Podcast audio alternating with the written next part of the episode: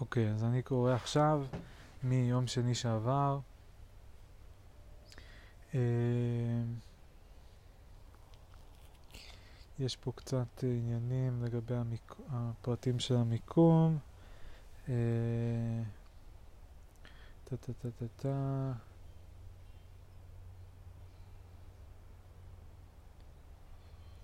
אה, תמונות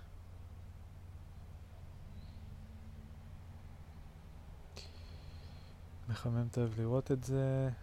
זה אותו יום אה, שהעבירו את החוקים, יום שני שעבר. אה, אז בדיוק מישהו כתב, יריב לוין מדבר כעת על נושאים שדוברו. אה, מישהו שלח לינק. אחת השאלות שעלו היום היא איך לבנות גופים מקבלי החלטות שייצגו את הציבור בלי הבעיות שמאפיינות פוליטיקאים מקצועיים. אז אני רוצה לזרוק כיוון מחשבה ששווה להכיר, דמוקרטיה דיונית או אספת אזרחים. לינק לאתר שקוף. אה, תודה לכל מי שהגיע, אשמח שתשתפו כאן את הרשמים והחוויות שלכם וגם הצעות לשיפור לקראת המפגש בשבוע הבא. או יופי, אז אולי אני אגיב לדבר הזה בהמשך. אה, לינק, אה, שאלה למישהו אם הוא הגיע הביתה בזמן, לינק לשיר שאחד החבר'ה הקריא. אה, שלום חברים, הבהרה שאני חייב מאתמול, כשציינתי שזה יום חג עבורי, זה היה בכדי להציג את הפער הרגשי לעצם ההצבעה, את הכאב והחשש של החברים אני מרגיש ומבין יותר כאן בקבוצה ויותר במפגש אתמול. תודה על האפשרות להיות בקבוצה, שבשבילי חשובה ומשמעותית. אה, בוקר טוב, קמתי הבוקר מעט יותר אופטימי, אך כואב, כואב, כואב, מקווה שמהלימון יצא לימונדה. דגל ישראל ולב. אנחנו בראש חודש אדר ונהפוך הוא, אז אולי יתהפך לטובה והממשלה הבאה שתמנה שופטים תהיה ממשלה שתייצג את רוב נושאי הנטל. בוקר טוב, שמח על הדיון ובהחלט מקווה שזהו תחילתו של תהליך לשלום בינינו ובין הסובבים אותנו. בוקר טוב, שמחתי להכיר ולשמוע את הסיפור האישי או תפיסת העולם האישית של כל אחד. נעים ומעניין לדבר עם אנשים שהם מורכבים מעבר לקלישאות של הסטיגמות. לא חושבת שיצאתי אופטימית יותר וגם לא פחות. לא חשבתי שאצא אופטימית אחרי מפגש של כמה שעות של שיחה. בעצם, ובעצם לא כדי לקבל זריקת אופטימיות הגעתי. הגעתי כי רציתי לשמוע ואולי להבין את הצד שרוצה לתת לפוליטיקאים כוח מוחלט, ללא סייגים וללא מגבלות, והגבלות כאג'נדה. אה, אבל אתמול לא הגענו לדבר על הנושא הזה באופן מעמיק. בהקשר של הרפורמה המשפטית דיברנו משהו שרובנו, בסוגריים בלי קשר לימין ושמאל, מסכימים עליו, והוא שראוי שבבית המשפט ישבו אנש, אנשי מקצוע ישרים מכל ה... במרכאות שבטים הישראלים, גיוון המאפשר לכל ישראלי לראות שיש אנשים במרכאות כמוהו בבית המשפט. כי היה לנו נוח לדבר על זה אה, ולהסכים על משהו שהרפורמה המשפטית בכלל לא נוגעת בו. היה לי רגע מאתגר במיוחד בנושא הגדרת מהו שוויון הזדמנויות וזכויות, האם הוא ערך משותף או לא, ובכלל אני סגרנית לדעת מה הערכים המשותפים שלנו, ואולי אם נגיע להבין מה הערכים המשותפים, נוכל יחד לנסח סוג של חוקה. אם נרצה לחשוב על הכיוון הזה, יהיה עלינו למצוא נציגים חכמים מכל השבטים המרכיבים את מדינת ישראל, שיוכלו לתת את, הנק... את נקודת המבט הערכית שלהם. בוקר טוב, עבורי המפגש וכל ההתכתבות שקדמה לו חשובים ומלמדים, אבל גם מאוד שואבים ומתישים. בשביל השקט שלי אני לוקח צעד אחורה ויוצא מהקבוצה. לצערי אני לא מצליח להשאיר אותה בארכיון ולהמשיך לתק... לתפקד. שומר לעצמי את הזכות לחזור לכאן כשארגיש שיש לי כוחות לזה. כל הכבוד ליוזמים והשותפים, אני מקווה מאוד שנבחרי הציבור שלנו ישכילו לשבת יחד ולהגיע להסכמות. המחירים שאליהם נחשפתי בשבוע האחרון גבוהים מדי, בטח בשביל להזים על העץ ואולי לא רק עבורם. משפט אחרון, פגשתי אתמול כמה דמויות מרשימות מאוד. ברמה הציבורית אני לא מספיק אופטימי, אבל ברמה האישית אני נפעם. מתפלל שעושה שלום במרומה ויעשה שלום עלינו. אני התחברתי עם מי שאמר שהוא נגד עוד כוח לשלטון, כל שלטון. אני חושב שהיום עודף הכוח נמצא אצל בג"ץ וזה נורא ואיום, אבל אני את הגישה שמתנגדת לכוח לשלטון אני מבין לגמרי ובאופן גדול די מסכים איתה. לינק ל... IDI.org.il מרבית הישראלים מתנגדים להגדלת מספר הפוליטיקאים בוועדה למינוי שופטים. עוד לינק כשליש מהציבור חושש שתפרוץ מלחמת אזרחים. Uh, כותב מישהו למישהו אחר. הצטערתי שלא הספקנו אתמול לפתח את הדיון על משל שעוברי הגלים שלך, לא בגלל החלק על בג"ץ, אלא דווקא בגלל החלק שקדם לו. דיברת, בסוגריים ואני מתרגם פה לעולם המושגים שלי, על הצורך להקשות על רוב מקרי לשנות סדרי עולם. מה שנגעת פה הוא הנקודה שמפחידה אותי ואת רוב מתנגדי הרפורמה. אם יש בינינו הסכמה על זה שחלק משלטון הרוב, על זה שזה חלק משלטון הרוב, אז הפער בינינו קטן משנדמה.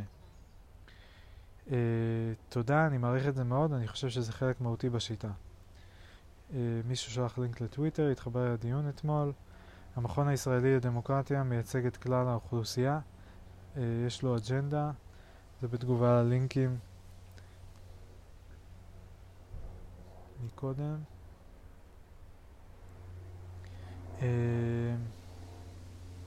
זה מתחבר לדיון עם שם. כנראה שמקופחים יש בכל צד ובכל גוון בתגובה לטוויטר. Uh, בתגובה לשאלה האם המכון הישראלי לדמוקרטיה מייצג את כלל האוכלוסייה, uh, עונה בחורה ששלחה, זה סקר, וכל הסקרים מראים אותו דבר. וכן, למכון לדמוקרטיה יש אג'נדה, אג'נדה ברורה, דמוקרטיה. Uh, עונה לה, אני פחות מתרשם מסקרים, וכמו שלמדתי אתמול, דמוקרטיה של האחד היא דיקטטורה של האחר. לכן הסקר הזה לא רלוונטי מנקודת המבט שלי. אני, אה, עוד מישהי מגיבה, אני לא יודעת מי מגיב לסקרים ועד כמה זה מייצג. גם אני רוצה מאוד דמוקרטיה, דמוקרטיה ולא כזה פשוט לי מול הכוח של בג"ץ ולא של השלטון. ולכן התכנסנו, לא? אה, בתגובה לטוויטר, הטוויטר זה נדמה לי אה, סרטון של uh, חברת הכנסת מירב בן ארי, uh, בק, נואמת בכנסת בלהט. היא צודקת, הרי הרפורמה לא מבררת על זה, וכשהייתה לשקד למנות שופטים, גיוון בית המשפט לא היה באג'נדה שלה, והוא גם לא כתוב באג'נדה של הרפורמה הנוכחית. הגיוון שעליו מדברים ברפורמה הוא גיוון של על רקע שמרנות או ליברליות, והשאר זה קומופלז. זה משמיעים לאנשים מה שהם רוצים לשמוע מבלי להתכוון ליישם את זה. בסוגריים, כמו הבטחות הבחירות של הקפאת משכנתאות וארנונה וחינוך חינם מגיל אפס, שהיו הבטחות הבחירות שהביאו לימין את ניצחונו. בסוגריים זה והטעויות האסטרטגיות של מנהיגי מפלגות במרכז-שמאל. כי הרגל הנוספת עליה דובר אתמול, 35% מהאזרחים במדינה בחרו קודם כל במלחמה ביוקר המחיה, בסוגריים ביטחון כלכלי, וגם כמובן בנושא המלחמה בפשיעה ומשילות בנגב, בסוגריים ביטחון אישי. העיסוק ברפורמה המשפטית מהצד הימני של המפה שייך בעיקר לפריבילגים בימין. אה, אוקיי.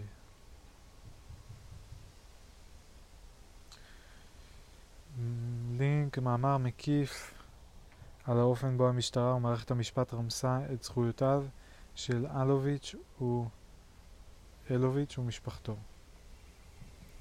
אוקיי. אה, מגיבה מישהי, אה, תודה, עוד לפני שקראתי אני טוענת שנים, בסוגריים מאז שהייתי סנגורית פעם מזמן, שהמשטרה ושאר רשויות החקירה חייבות תיקון וטיפול מסיבי בכל הנושא של זכויות אדם מזמן מזמן.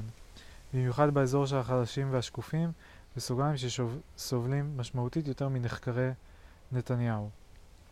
גדעון סער ובאזורים של מרץ ועבודה מנסים שנים לדחוף את זה ללא הרבה הצלחה, למרות שסער היה שר המשפטים הוא פעל בתחום. אה, אישית עצוב לי מאוד שחלקים שלמים אה, במדינה הזו התחילו להתעניין בזכויות נחקרים רק בגלל אתם יודעים מי, ועדיין לא עושים את האנגוליה הרחבה יותר לכלל הזכויות של כל הנחקרים והעצורים. Uh, בסוגריים כן, גם על הפלסטינאים, באשר הם. לא הכל מתחיל ונגמר בתיקי נתניהו. קיבלה שמונה לייקים. Uh, אני חושב...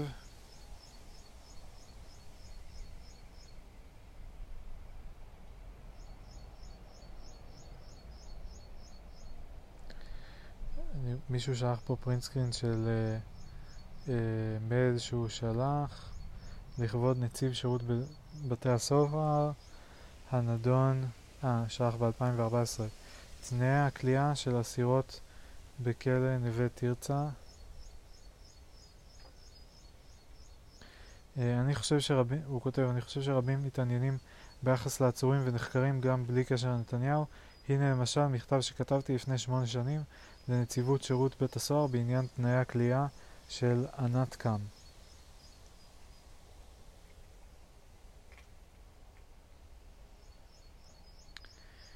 אה,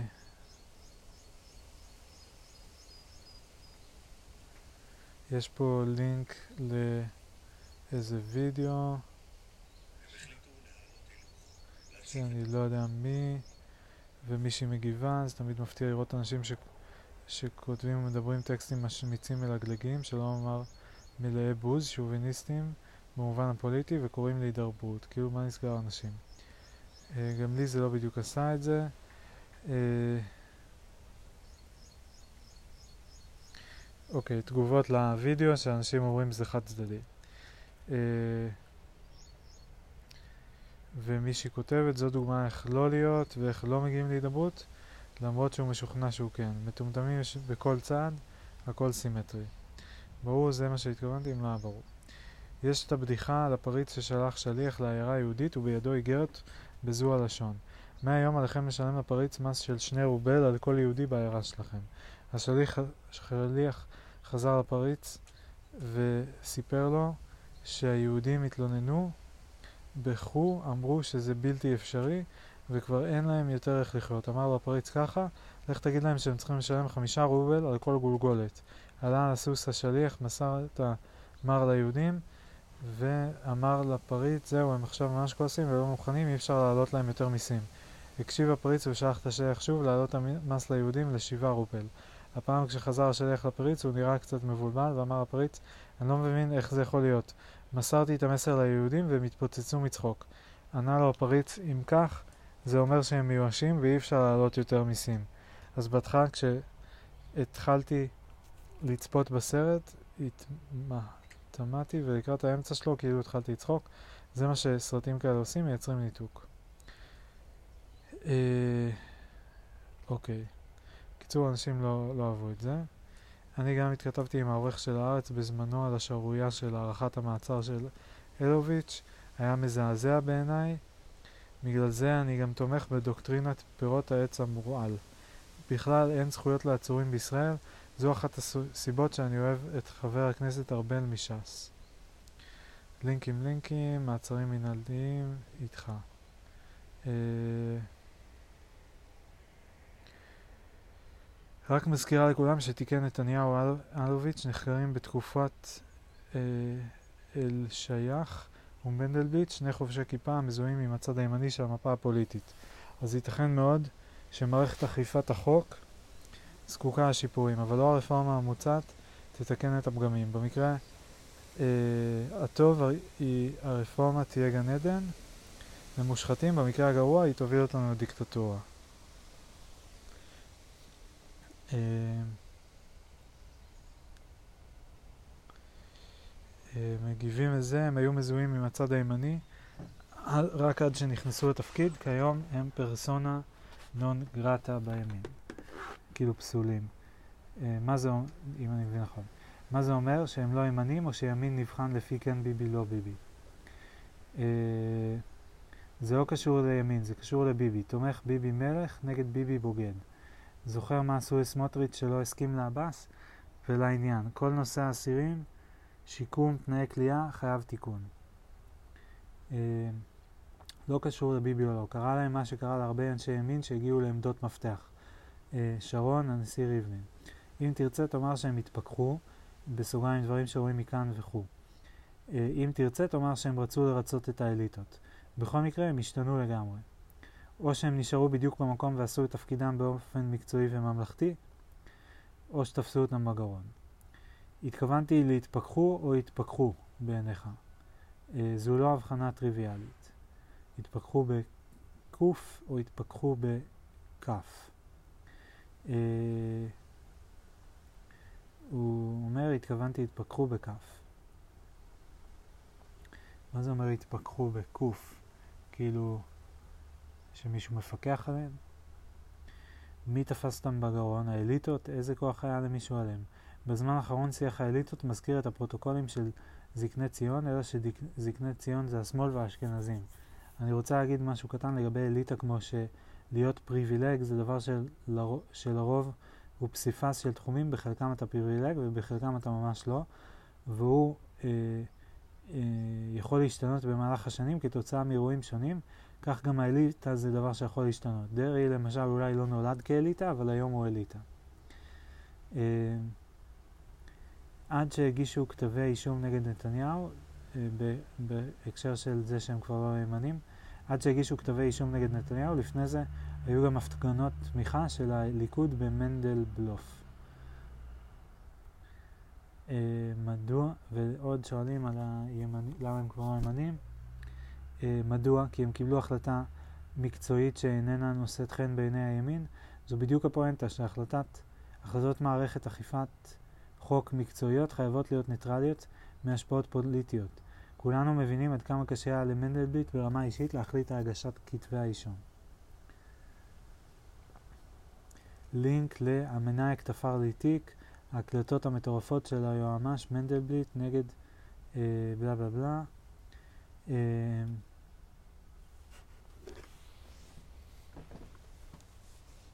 אוקיי, משהו מיוטיוב. האמת שאני לא מתרגש מההקלטה, יש בעיה רוחבית עם סגירה של תיקים מחוסר אשמה, והם ברוב המוחלט של התיקים נסגרים מחוסר ראיות. אה, רק מראה שמנדלבליט אדם ראוי. הבעיה המרכזית היא שחקירות נמשכות לאורך שנים, ותיקים בבתי המשפט נגררים עוד שנים. תיק 1000 הוא תיק של שבוע חקירות ושבוע משפט. תיק 2000 הוא קשקוש. תיק 4000 נסרח, נסמך על יותר מדי עדי מדינה, ושלחצו עליהם חזק מדי לטעמי. אה, בסוגריים, אבל אם יש לו בסיס. אולי גם אם יש לו בסיס. אה, אלוביץ' התנהל במערכת היחסים עם נתניהו כמו עבריין, אבל לדעתי נתניהו לא חשב שהוא מבצע עסקת שוחד, והוא גם לא באמת עזר לאלוביץ'. בסוגריים קצת בילף אותו כמו את כל האחרים. אחרי שאמרתי את כל זה, אני לא באמת מכיר את חומרי החקירות וכתבי הטענות יותר מהאדם הממוצע. כמעט מיותר לציין שהרפורמה בכלל לא נוגעת בעניינים לאל.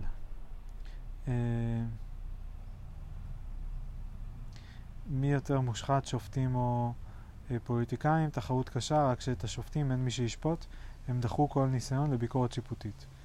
מנגנון שיפוטי. נגיד שר פנים שנתפס עוזר לאחיו לשלם מס מופחת, לא נבחר בו יותר, או במידה ויותר ועד, ועדת הכלכלה, יושב ראש ועדת, יו"ר ועדת הכלכלה צולם, מקבל שטרות, לא נבחר בו, הוא נאשם בשלושה סעיפים של שוחד מרמה והפרת אמונים. הבנת את הרמז.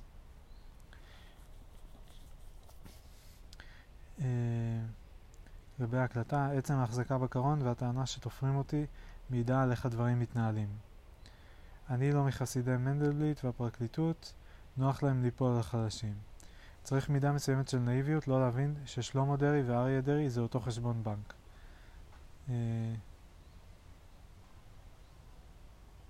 כששלחתי את ניגודי העניינים של חיות, כתבו לי צהוב. מי מכם לקח הלוואה של 200 אלף ש"ח ושכח להחזיר? קצה הקרחון. אה, מי שעונה, רבין, פרס, אולי פואד, אולי עמותות ברק, אולי... או אולמרט. עזר ויצמן שלח הביתה. רבין אני לא חושב, פרס היה נהנתן. את כולם לכלא. נשפט היה משוחד ברמות, אה, גבו חזר מעיזבון החלקי. אה, הלך לאולמרט, אה, פואד נשפט, היה מושחת ברמות, אה, גבו חזרה מהעיזבון חלק, אה, אולמרט הלך לכלא, הורשע רק על מה שידעו להוכיח, כנראה קצה הקרחון.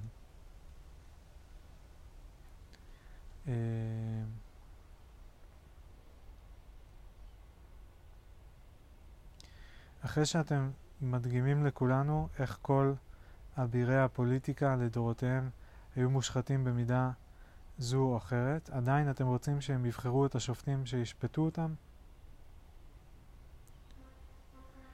אה,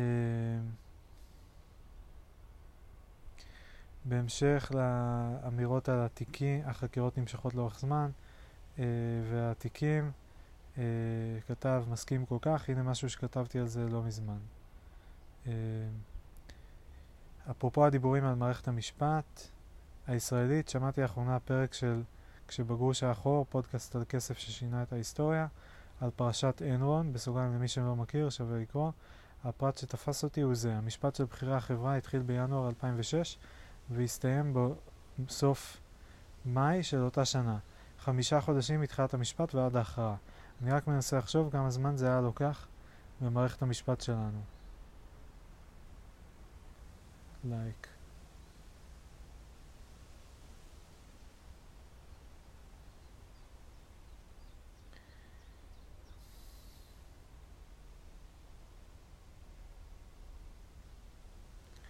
בתגובה לאם אתם רוצים שהפוליטיקאים יבחרו את השופטים שישפטו אותם, לפחות לחלקם הגדול יש כבר היכרות עם מערכת המשפט והם יודעים להבדיל בין שופטים טובים לשופטים רעים.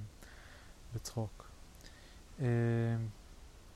בהמשך לאנרון, הייתה לי פגישת זום עם מנכ"ל אנרון, ג'פרי סקילינג, אחרי שיצא מהכלא. ניסה לעניין אותי במיזם עסקי. אמר לי שהאשימו אותו בהרבה דברים, אבל לא בלהיות טיפש. לא התקדמנו. לא התבכיינו. אה, לצערי, גם אני לא מאמין לבית המשפט העליון ולחיבור אה, להון ולתקשורת. אה, צריך רפורמה שתענה על שני הדברים. כרגע מסכים שזה כיוון אחד, תגובת בומרנג למה שעשתה מערכת המשפט לפוליטיקה מימין. אני אגיד את זה פשוט, החלשים בחברה תמיד נדפקים הכי חזק, זה הפרדוקס. השמאל הפריבילגי האשכנזי העשיר וכל שאר הסופרטיבים שמדביקים לו, ידע להעביר את ההון שלו למקומות אחרים. החלשים ייחלשו, גם אחרי התיקון לתיקון, אם יבוא. החלשים ישלמו את המחיר. מעגל החיים, בסוגריים, גנבתי, סליחה, ממלך האריות. ואחרי כל הטיעונים הנ"ל, יש על מה להסכים, יש איך להתקדם, ברמת הדיון לפחות. יש רק שתי אמית, שאלות אמיתיות שההכרעה שהן הבסיס לכל הדיון. אחד, האם לקואליציה יש יכולת למנות לבדה את השופטים? שתיים, האם שואלים מבג"ץ את היכולת לפסול חוקים שפוגעים בזכויות הפרט? ואם כן, מה הרוב הנדרש להתגברות? על הנקודה הראשונה לא ניתן להתפשר, זה בינארי. על הנקודה השנייה ניתן להגיע לפתרונות כאלה ואחרים. מסכים. האפשרות נוספת, שהיא פחות ריאלית, היא לכונן חוקה, ואז כל השאלות האחרות מתגמדות. לינק לפודקאסט אחד ביום, למה הרפורמה חשובה לחרדים. או לא לשנות חוקי יסוד כל שני וחמישי. זה לא פותר את הבעיה, נדמה לי שאריה דרעי פעם אמר שאפילו אם היו מביאים להצבעה את חוק יסוד עשרת הדיברות, הוא היה מתנגד. בסוגריים, פעם חשבתי שזה בגלל השופטים, והיום אני מבין שזה בגלל חלק מהדיברות. אה, סמיילי צוחק. ניסו לא אחת אה, לחוקק, לחוקק חוקה, נופל ויפול על נושא דת ומדינה, ובוודאי שהיום. נתניהו קורא הערב להידברות, עם כל חוסר האמון שלי בו, אני מעדיף את הסיכוי על הסיכון. במקבילה, במקביל המחאה תימשך כי הכוח נגד הקואליציה הוא הציבור שקם למחות באופן אותנטי ולא חברי האופוזיציה. אני בעד עצירת החקיקה, אין מקום לסיכונים, במיוחד שברור במי מדובר. הידברות עם עצירה. גדעון סער אמר בואו נעשה עצירת חקיקה כל עוד מדברים. לא לשבוע ולא לחודש, אלא כל עוד מדברים, לא מתקדמים בתהליך. נשמע לי הגיוני. האמירות של אלי כהן הן תוצאה של היסטריה, בסוגריים דווקא בחור סימפטי ומשכיל ביומיום. יריב לוין גם לא נראה מאופס היום. מה שהיה אתמול זה ניצחון פירוס. פירוס. כשיתחילו לדבר, רוטמן יקבל הוראה לא, לקבל, לא לקבוע דיונים. צריך להראות רצון טוב. משה ארבל וגדעון סער יכולים לייצג אותי. מישהו אומר גם אותי. גדעון סער ואני לא מסכימים על המון דברים, אבל אני חושבת שהוא בחור פרגמטי, ומכל מי שמתנגד לרפורמה כפי שהיא מובאת היום, וער לסיכוניה, בסוגריים, ועדיין במקביל חושב שיש דברים שראוי לתקן. הוא יכול לייצג אותי. Uh,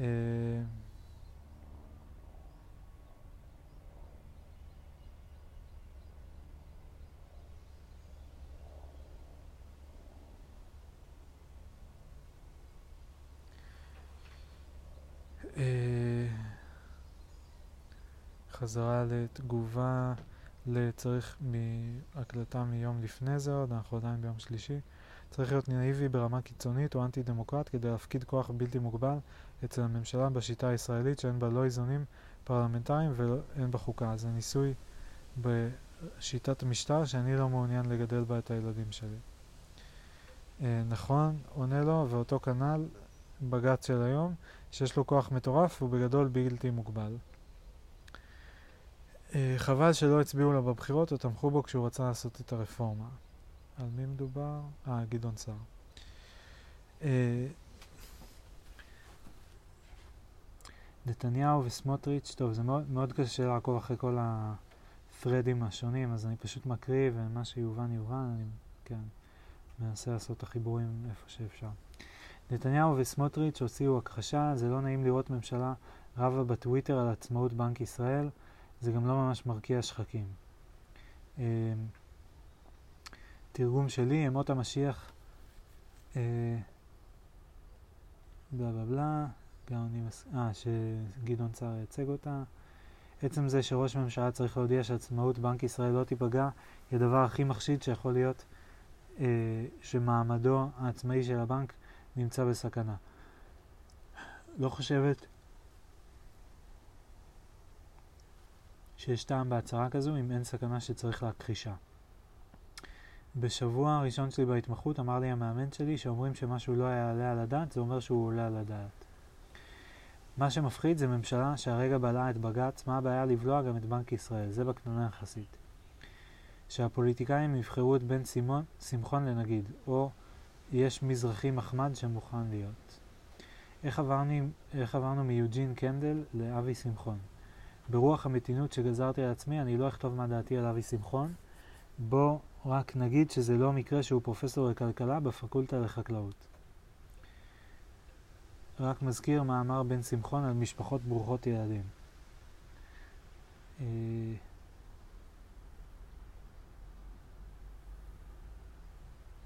אוקיי, מישהו שולח לינק. ברק, חופש ההפגנה אינו חופש לעצור את המדינה.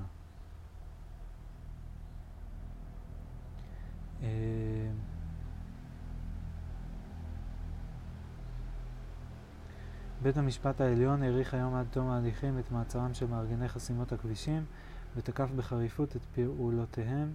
שום מדינה דמוקרטית אינה צריכה להסכים לכך. זה מ-2005. אה, פגע באזרח הקטן, מי ששלח כותב. אה, יש לי הרבה דוגמאות שבג"ץ הגן על האזרח הקטן או קבוצה מוחלשת מפני עריצות השלטון. יש לך דוגמה הפוכה? אה, שהשלטון הציל את האזרח הקטן מבג"ץ האיום והנורא. אה,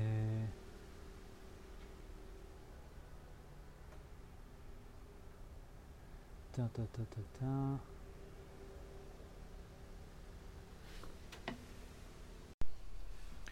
אוקיי, כותבים על הלינק של uh, ברק שאמר uh, שאסור לחסום כבישים.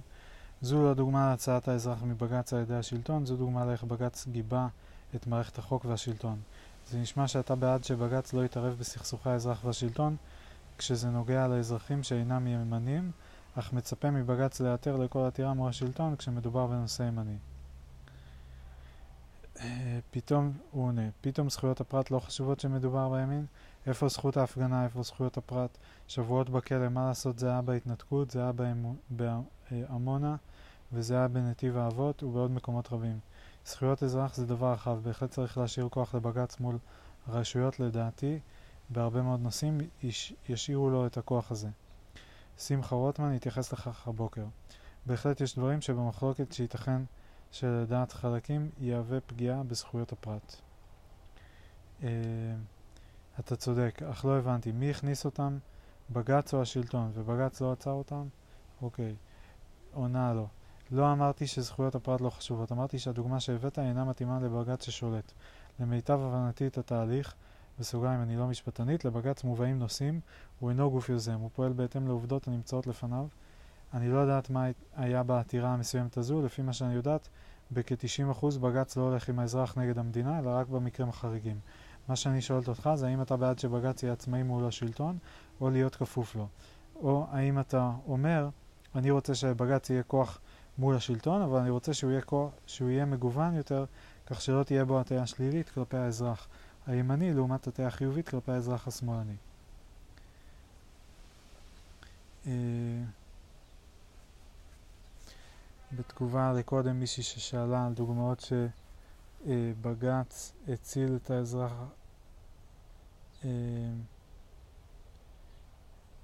שאם יש לך דוגמה הפוכה שהשלטון הציל את האזרח הקטן מבג"ץ האיום והנורא. אז הוא כותב נשים שרוצות להופיע רק מול נשים וכל העולם החרדי שאני לא חסיד גדול של הנורמות שם אבל חושב שזה זכותם. אה, בהמשך ההתכתבות על זכויות פרט, מסכים לגמרי עם הסיפה, לא יודע מה זה סיפה, שיהיה גיוון ושלא יהיה מוטה. עכשיו איך עושים את זה? מי בוחר שופט שיהיה עם אג'נדה שמרנית ימנית. Uh, בהמשך הדוגמה של נשים שרוצות להופיע רק כמו נשים, לא הבנתי את הדוגמה. כשבג"ץ קובע שלשלוח נשים לאחורי האוטובוס זה פגיעה בכבודן של נשים, זו הדוגמה שמצאת כך מה? לא הבנתי. שישלוח נשים לאחורי האוטובוס זה פגיעה בכבודן של נשים. זו הדוגמה שמצאת לכך שהשלטון מגן מפני בג"ץ. לחילופין, כשבית המשפט קובע שהדרת נשים מקול ברמה אה, תחנת הרדיו החרדי זו אפליה, זו הדוגמה לעריצות בג"ץ, או כשבג"ץ קובע שאישה יכולה להיות טייסת, זו הדוגמה לעריצות בג"ץ, או כשבג"ץ קובע שמתן שכר לאישה שהוא נמוך מהמקבילה הגברית, זו הדוגמה לעריצות בג"ץ, או כשבג"ץ קובע שלנשים מזרחיות יש זכויות להיכנס למוסדות החינוך האשכנזיים, זו הדוגמה לעריצות בג"ץ. אה, אז מה, אז אם מה שאתה אומר זה שאתה רוצה שבג"ץ יישאר עם כל הסמכויות שלו ושלא תהיה יכולת עקיפה שלו ב-61 קולות ח"כ, זה אומר שאתה בעד איזונים ובלמים לכוח בלתי מוגבל של השלטון. בנוסף אתה אומר, שזה מה שדיברנו עליו אתמול, שכדי שכולנו נרגיש שבג"ץ מייצג את כולנו, צריך שכולנו נדע שיש אנשים כמונו בבג"ץ. אני עוד לא יודעת איך עושים את זה ואיך יוצרים בית משפט מגוון. אני בעד שהוא יהיה מגוון, בסוגריים ומקצועי כמובן, ואם נוכל להתחיל סיור מוחות מהנקודה הזו, זה יהיה מעולה. אה, מישהו כותב, החלטתי לא להיכנס לענייני דת ומדינה, זה דורש ליבון, אבל כרגע הבית בוער וצריך לכבות את השרפה. המפלגות החרדיות צריכות להפגין איפוק יש אובדן הבחנה בין כוחם הפוליטי להיותם מיעוט. בהמשך הדוגמה של אנשים, הוא נתן דוגמה לאיסור של בג"ץ שהמדינה תממן אירועי תרבות עם הפרדה מגדרית, מה שבאופן אבסורדי מייצר הדרה של מגזרים שלמים וגם של זמרות.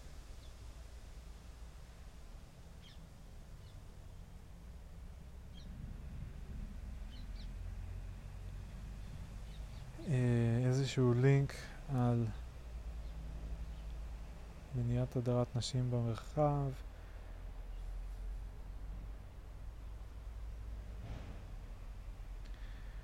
אה, 2014 נתניהו ראש ממשלה, מה נעשה? לא, לא הבנתי באיזה הקשר.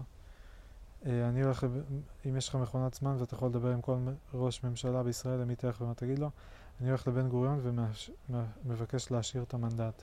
ויש לי מכונת זמן אבל אסור לגלות ואני גם לא נותן לאחרים להשתמש, סוציומט. אחרי זה אני גם אומר לו שכל דבר שנותנים בחינם צריך להגביל בזמן או בכמות.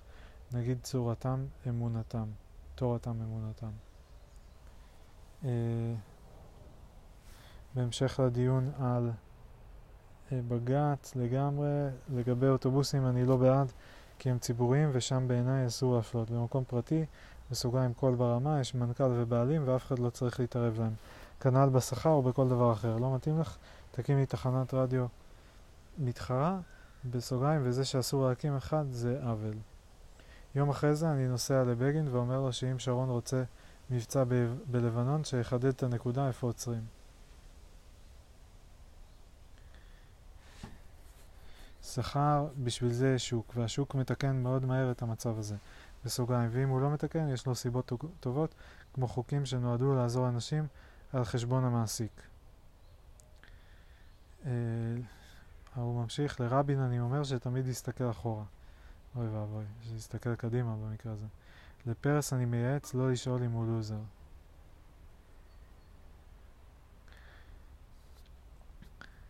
אה, בהמשך של ההפרדה יכול להיות הנושא של סידורי הפרדה מגדרית באירועי תרבות, תרבות הממומנים על ידי המדינה הוא נושא מאוד מורכב, כמו גם הסדרי הפרדה באקדמיה, גם אם יש חילוקי דעות על פסיקות מסוימות של בג"ץ, הרי שלטעון שבג"ץ מתעמר באדם הקטן, זו טענה שאין לה בסיס. יש אין ספור דוגמאות להגנה של בג"ץ על נשים ועל האזרח הקטן. לברק אני אומר שלא כל פעם שמזמינים אותו ואת ערפאת לאמריקה ביחד הוא חייב לבוא. אה, לגבי השכר שמאזן את עצמו, סליחה אבל זה פשוט שטויות. נשים מופלות לרעה בשכר ובג"ץ מגן עליהן בשורה של פסקי דין. זה שהמדינה מממנת זה דבר אחד, אבל בג"ץ אוסר גם באופן פרטי במימון פרטי. נשים מופלות לטובה לפי החוק בישראל, זה עולה למעסיק כסף וזה מתבטא בשכר. החל מחצי נקודת זיכוי במס הכנסה ועד לחוקים שאוסרים לפטר אותן בכל מיני מצבים. אגב, אין כמעט אפליה בשכר נשים לשעה אה, פלוס מקצוע. תראו את החלטת הממשלה שגובשה עם משרד המשפטים. זה כן מאפשר בתנאים מסוימים להבנתי. מכירים באירועים בעלי אופי דתי עם קהילות שמעוניינות בכך. אבל שוב צריך להתעמק, יש סקירה רחבה במאמר שצירפתי. אומר לגולדה שיום יבוא ויהיה ברור לכולם שהעישון מזיק לבריאות.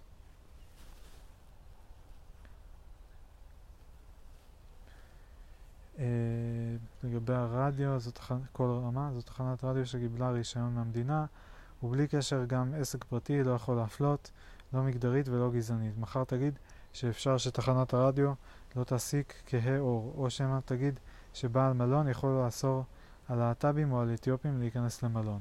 בסוגריים נשמע מוכר.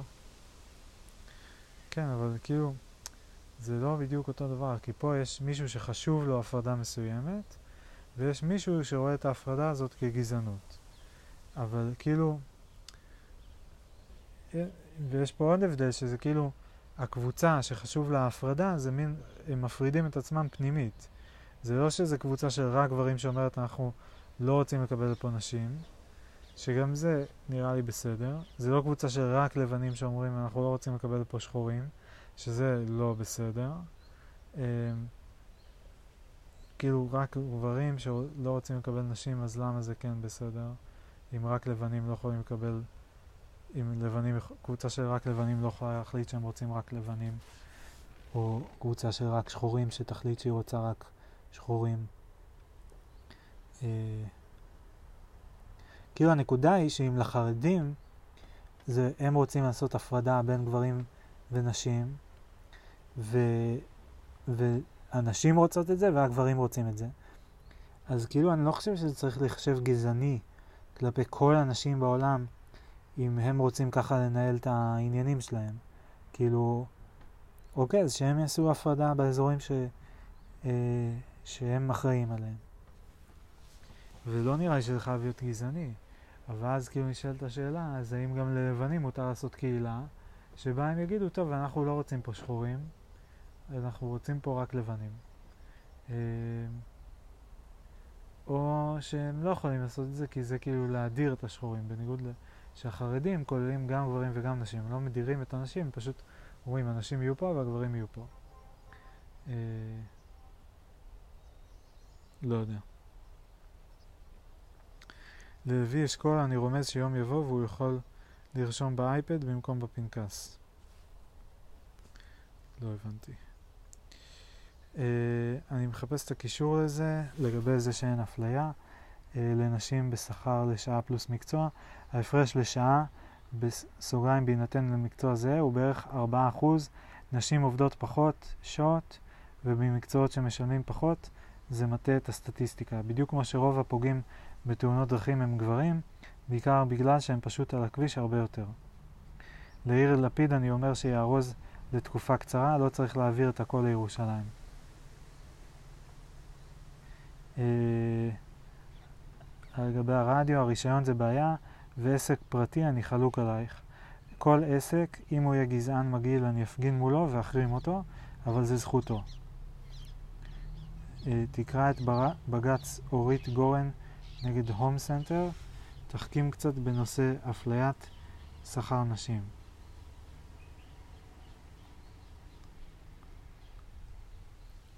קצת מטיפה זאתי. אני אשמח לקרוא, אבל בגדול, אם היא זולה יותר, הייתי מצפה שיפטרו גברים ויעסיקו נשים רק כי זה יותר משתלם. לנתניהו אני אומר לא להתחיל עם דיילות.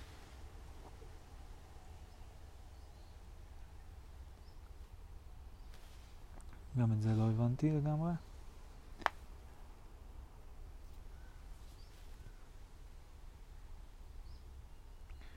אה, בדיון על השכר נשים, אה, הגברת מתעצבנת שם מאוד, היא לא מבינה את הטיעונים של הבחור. אה, אני נוטה להסכים איתו. לא שאני לא אומר שאין בעיה בשום מקום אף פעם וזה, אבל אני נוטה להסכים איתו. כותבת, נו באמת. הוא עונה לה, זה ממש לא, היא כתבה, זה ממש לא זכותו. אה, והחוק, בסוגריים שהכנסת חוקקה, אוסר אפליית נשים, מעבר לעקרון השוויון לפי חוק יסוד כבוד האדם וחירותו. הוא כותב, שני החוקים מזיקים לדעתי, ואני לא מפלה או תומך בזה, פשוט חושב שלאדם יש רכוש פרטי וזה שלו. הוא שואל אותה, אם אישה זולה יותר מגבר, למה להעסיק גברים?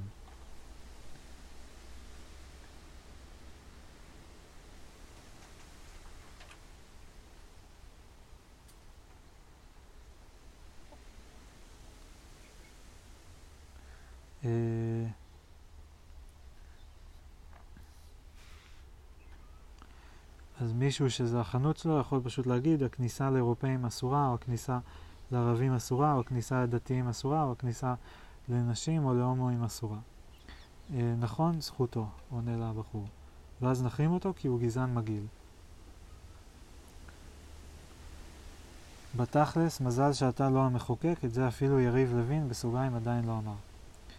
והוא ממשיך, ואז הוא יפשוט רגל. מדינה לא צריכה להיות עם כוח להתערב בכל הפינות האלה. זה רכוש פרטי, ולרכוש יש בעלים והוא קובע. ואם הוא מגעיל, תמיד אפשר לקנות מהמתחרה. קול ברמה לא מעלה נשים לשידור, אל תקשיבי, תקשיבי לקולה ברמה, הרדיו המתחרה. אה, אין מתחרה? למה? כי יש ממשלה עם רשות שנייה שלא נותנת רישיונות. למה צריך רישיון היום? זה לא על האינטרנט? מה שבאינטרנט לא צריך רישוי, מי שיושב על אפן צריך. הבנתי. זה מסוג החוקים שעדיף שלא יחוקקו אפילו אם ניתן לעשות לזה רציונליזציה. הדיון האקדמי מבוסס על מקרה בארצות הברית של חנות עוגות שלא הסכימה להכין עוגה לחתונה של זוג הומוסקסואלי מסיבות של אמונה דתית.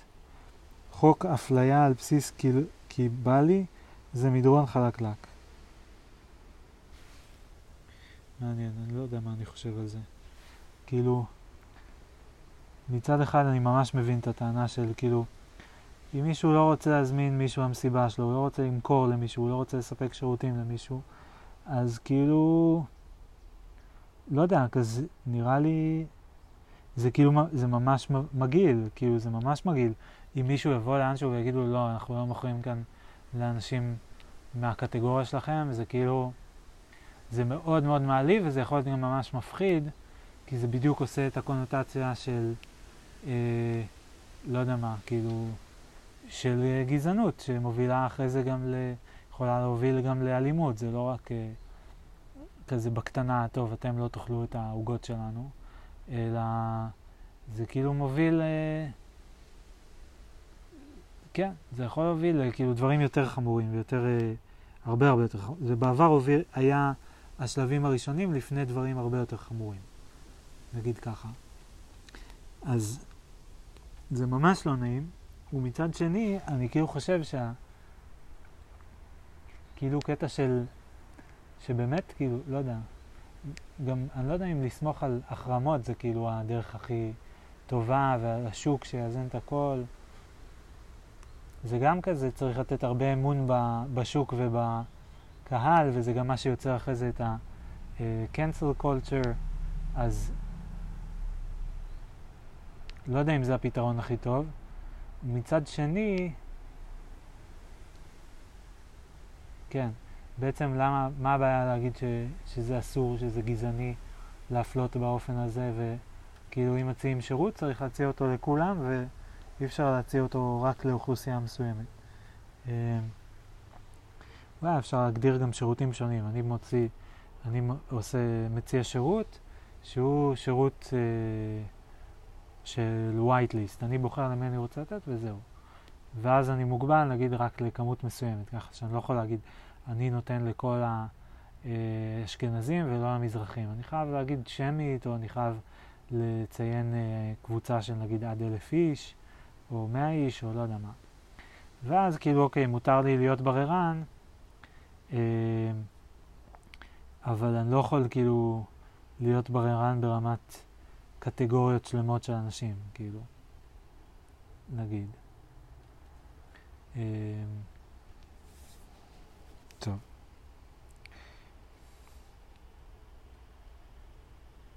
לינק לוויקיפדיה של המקרה הזה עם העוגה, אני כבר לא זוכר בדיוק את ההחלטה, אבל נדמה לי שהיא בסוף יותר ברחה לפרוצדורה מאשר להכרעה ערכית משפטית. אין לי שום דבר משעשע או, לא, או עמוק להגיד לשמיר, לא מצליח.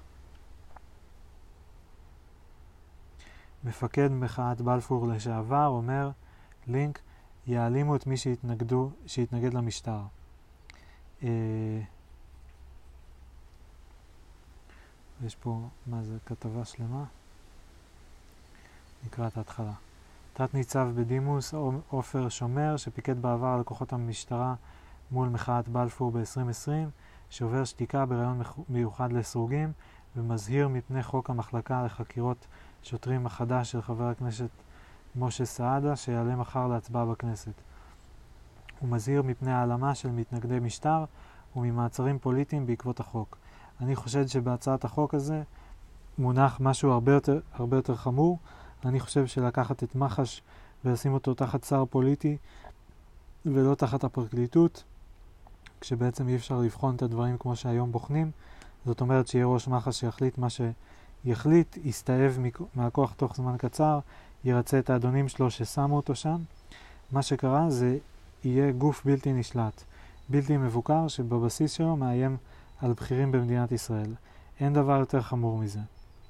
הצעת החוק של סעדה, שעבר סגן ראש מח"ש, מבקשת לאפשר לחקור מלבד שוטרים ואנשי שב"כ, גם פרקליטים מפרקליטות המדינה.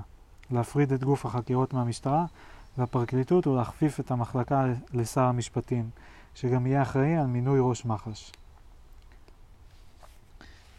אוקיי. Uh, אני לא מבין למה הוא חושד.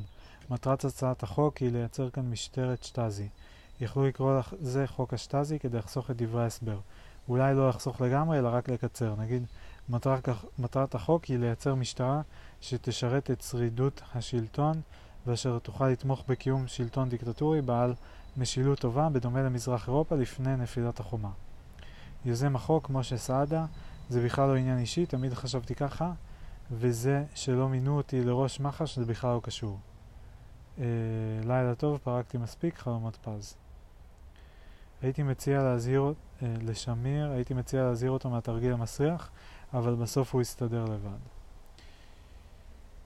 Uh, השלטון ניסה שלוש פעמים להרחיק את המסתננים שהרסו את חייהם של האזרחים הקטנים בדרום תל אביב. בג"ץ לא נתן וביטל את החוקים. למזלנו בנו גדר בדרום שעצרה את הזרם. Uh, אין שום דוגמה שהשלטון, נסוגר, נדייק הפוליטיקאים, uh, בג"ץ הוא חלק מהשלטון. הציל מישהו מבג"ץ בגלל שבג"ץ יש בסוגריים ובצדק את זכות המילה האחרונה, ועד שתעבור הרפורמה אה, בבית א' סלש ח' ו' הנבחרים לא יכולים לתקן את עוולותיו גם לא בחקיקה מפורשת. לרוב הם גם לא מנסים, ככה זה כשיש אפקט מצנן. מה שכן אפשר להביא זה דוגמאות לניסיונות של הכנסת להקדים רפואה למכה של בג"ץ, שכמובן לא עזרו כי הוא כבר הקדים מכה לרפואה בצורת המהפכה המשפטית של ברק.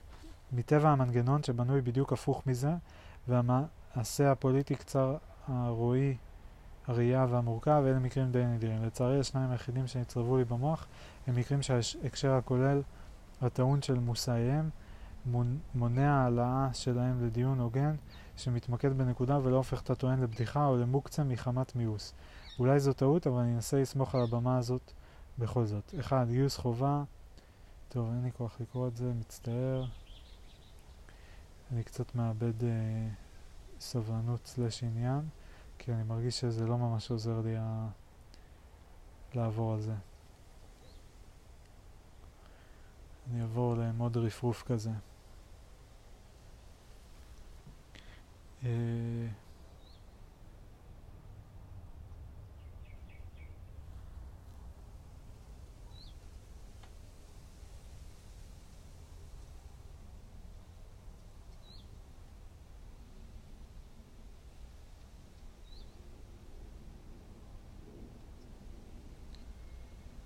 א', ב', ג', אה, זה איתמר בן גביר.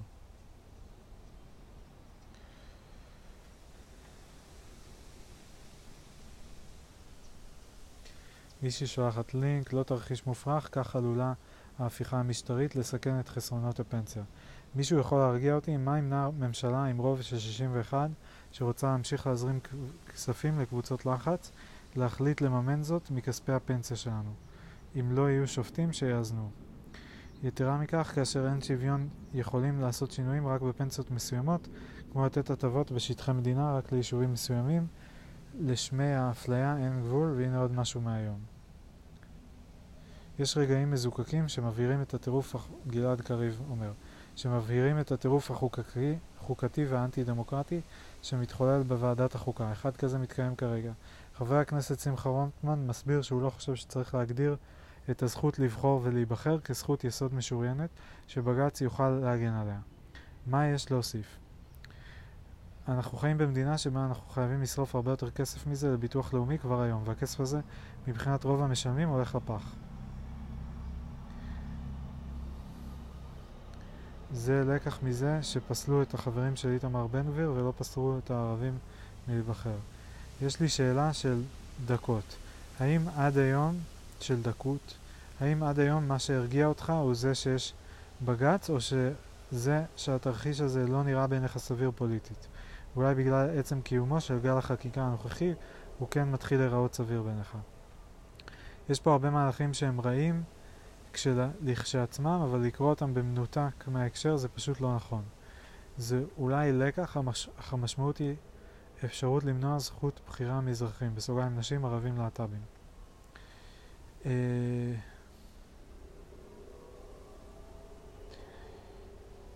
זה סתם הערה בדיון, לא חושב שזה פשוט מחרפן לפעמים לראות את זה. יושבים שם חבורת אנשים שרמסו אותם במשך שנים, כל פעם עם סעיף אחר, בסוגריים עיין ערך מדיניות הקרקעות ביהודה ושומרון, ששמים רגליים לרוכשי קרקעות מערבים, או מהצד השני, ח'אן אל-אחמר שלא הורסים. אז הם מציעים כל מיני פתרונות קיצוניים נגד מי שפגע בהם במשך 20 שנה. אם המערכת הייתה יותר מאוזנת, כל זה לא היה בא לעולם. זכות הקניין לעולם תעמוד לנו, מתחיל להיות מפחיד לחשוב לאן אפשר להגיע אם הכל נפרץ. אני מסכימה עם שם שיש כאן תגובות, תגובת מטוטלת לאנשים שחשו חוסר חסרי אונים, אבל איך עוצרים את זה מהקצנה שלא יהיה ממנה דרך חזרה.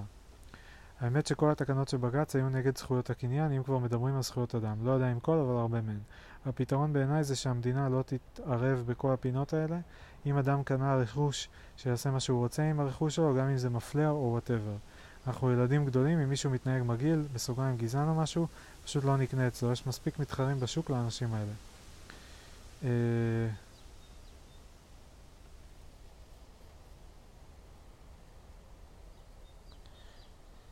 בהקשר של קודם הפנסיות, רק פנסיות מסוימות, יהיה אי שוויון, אז ייתנו הטבות, אז מישהו כותב, אוי זה כבר קרה עם הפנסיות התקציביות של צה"ל. Uh, זכות הקניין שאינה מוגנת היא הסיבה לזעזוע העסקי הגורף. משקיעים מחפשים יציבות. ללא בית משפט המגן על החוזים uh, וקניין ההשקעה מסוכנת.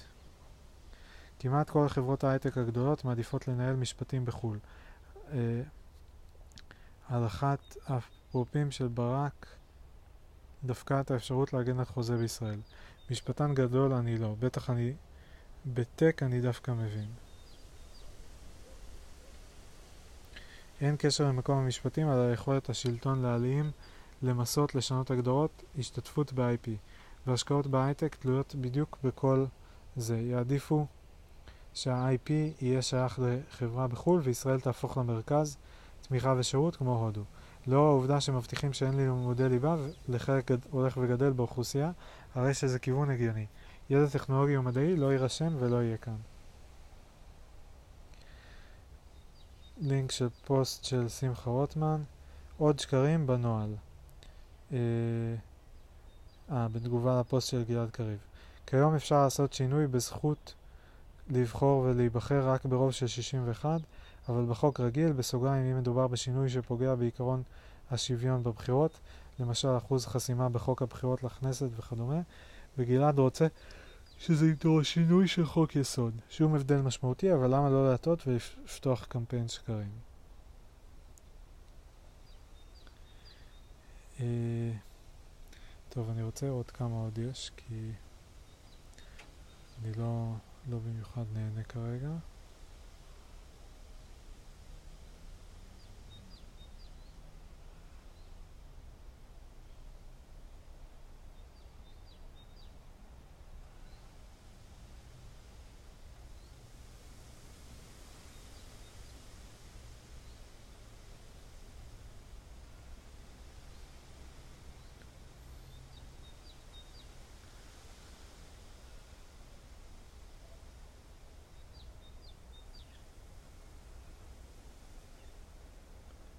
הרבה.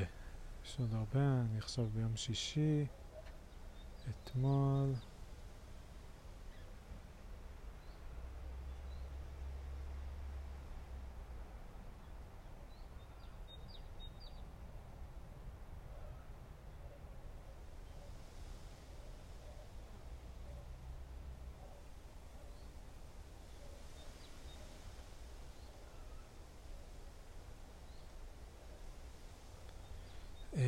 כן, טוב, הרבה מאוד.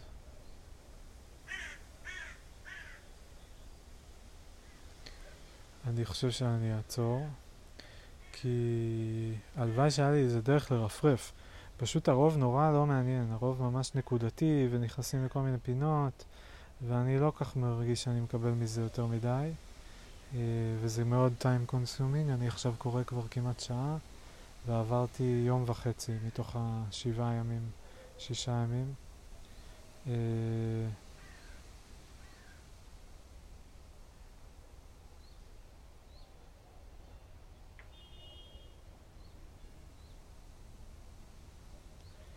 אני לא יודע איך אני כן יכול לעבור על זה בצורה אחרת.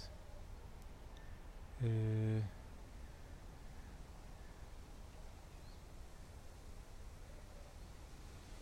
אם יש איזושהי דרך שאני יכול...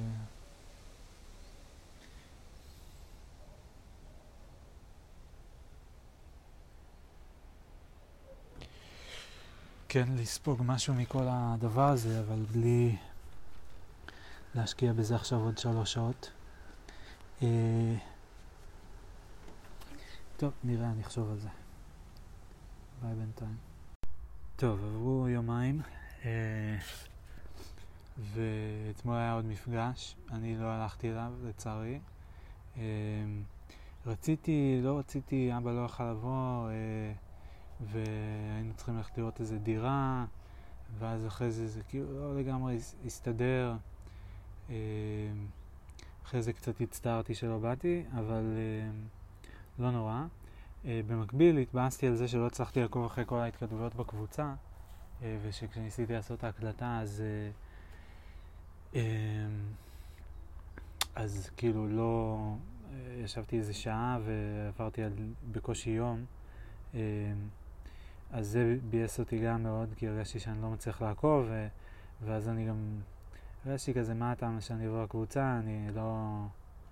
אה, לא יודע, הם בטח ייכנסו, ייכנסו לכל מיני התפלפלויות על זה, על זה, כאילו כל כך הרבה דברים. ואמרתי כזה, אולי זה גם איזושהי אינדיקציה בשבילי, כאילו, יש פה אנשים ש...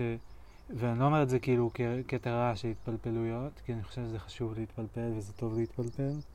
אה, אני אומר את זה בקטע של, אה, זה לא הפורטה שלי, כאילו, זה לא ה... אני לא מכיר את כל הדקויות בפסק דין הזה ובזה ונה נה נה. אם אני רוצה להבין כאילו משהו, אני צריך להבין אותו אה, עד הסוף. לא יודע מה אני בא להגיד בזה. לא עד הסוף, כאילו...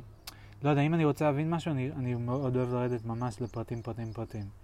אז כל עוד אני לא עושה את זה, אני מחשיב את עצמי כמישהו שלא מבין עד הסוף. יש לי הבנה מסוימת, מספיק כדי להבין על מה אנשים אחרים מדברים, זה מאוד חשוב לי מן הסתם. אה, ולכן אני גם אוהב לקרוא כדי לראות שאני מבין, ושלא מתייחסים למשהו שאין לי מושג מה הקטע שלו.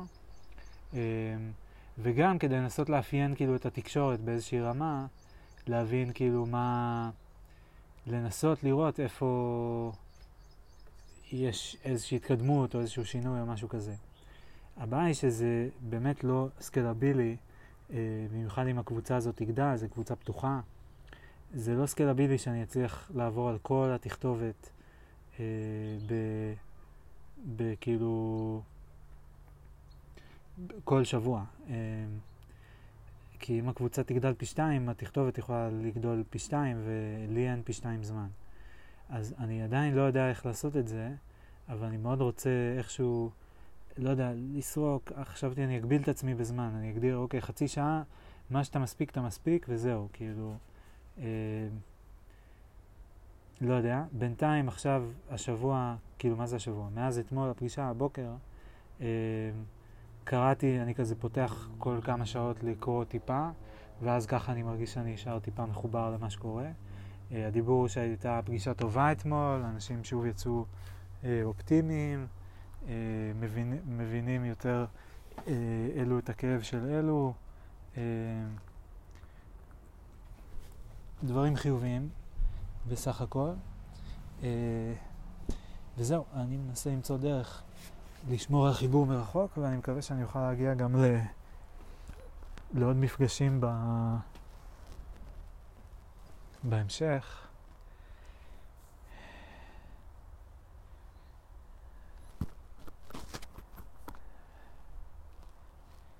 אה, ובינתיים אני אנסה לראות אם אני יכול איכשהו שוב למצוא דרך לעבור פה על העניינים.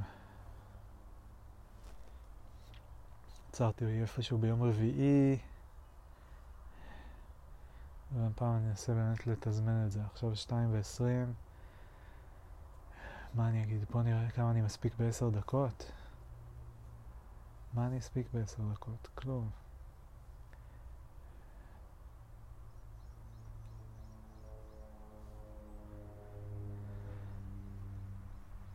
טוב.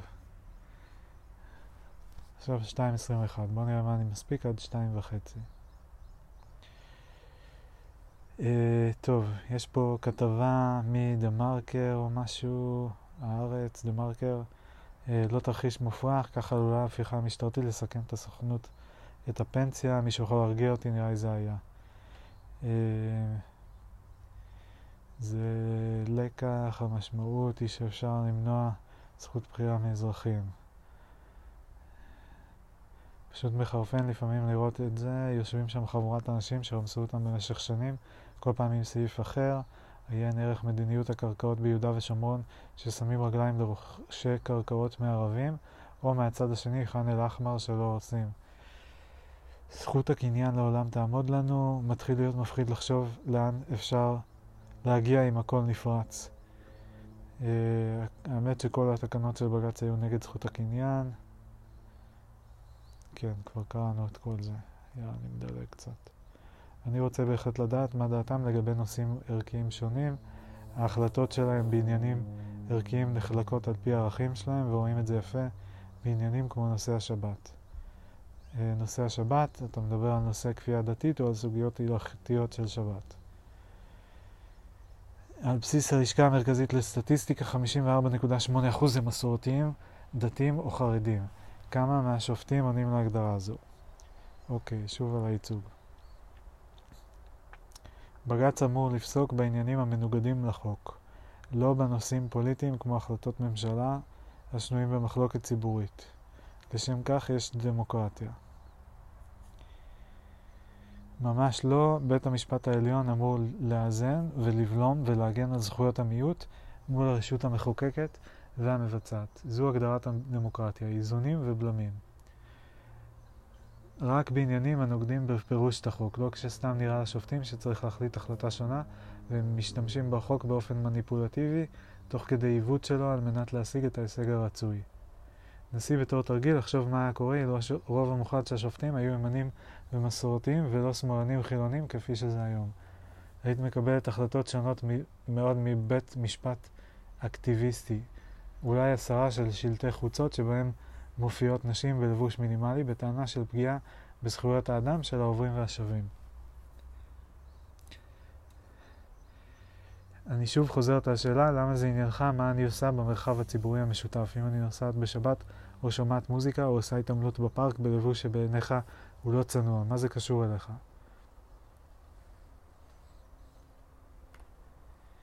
זה עוד דיון מכבד עם האמירה המרכזית היא ששופטי בית המשפט הם שמאלנים. בעצם הקביעה הזו חבויה הנחת בסיס שאדם עם דעות מסוימות המנוגד לדעות הכותב הינו פסול.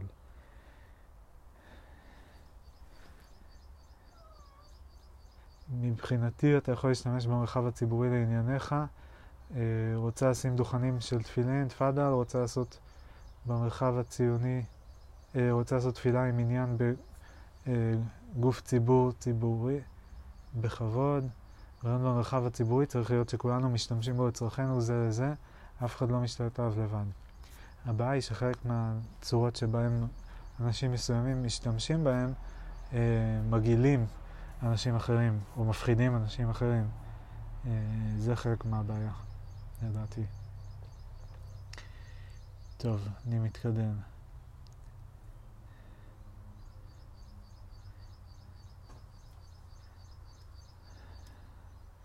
שכונה שחוזה את תוצאות הבחירות לינק ל-N12. זו השכונה שאני גר בה, אנחנו אוהבים את ההטרוגניות. הילדים עלו לת... לתורה בקהילה בה הם גרים, בבית הכנסת המרוקאי-תימני, אנשים מכבדים אחד את השני ונהנים מהמשותף ומהשוני, והכל מתוך כבוד הדדי ולא מתוך כפייה. ביום שהפוליטיקאים יתערבו, הכל ייגמר. אוקיי. אני מדלג קדימה, מדלג קדימה. אחוז החסימה חשם בהרבה מההצהרות שלנו. בעולם מתוקן בן גביר היה מקבל שני מנדטים לפני עשר שנים וזה היה נגמר שם. כנ"ל מרץ או מפלגות קטנות כמו נועם. זה עוד חסם כניסה למפלגות, ומה שיותר גרוע, אני לא רוצה מפלגה חדשה חזקה. תן להם שני מנדטים, נראה אותם עובדים, אחר כך שיקבלו עוד עשר. אה, וגם בהתחזקות הייצוג הערבי, שזה חיובי לטעמי, אבל היה מהתורמים המרכזיים לפלונטר של 2019-2021, ועדיין המקור הכי משמעותי והכי פחות מדובר לעיוותים של הפוליטיקה פה הוא המשמעת הקואליציונית הגורפת והגוף הכמעט אורווליאני שנקרא ועדת השרים לענייני חקיקה.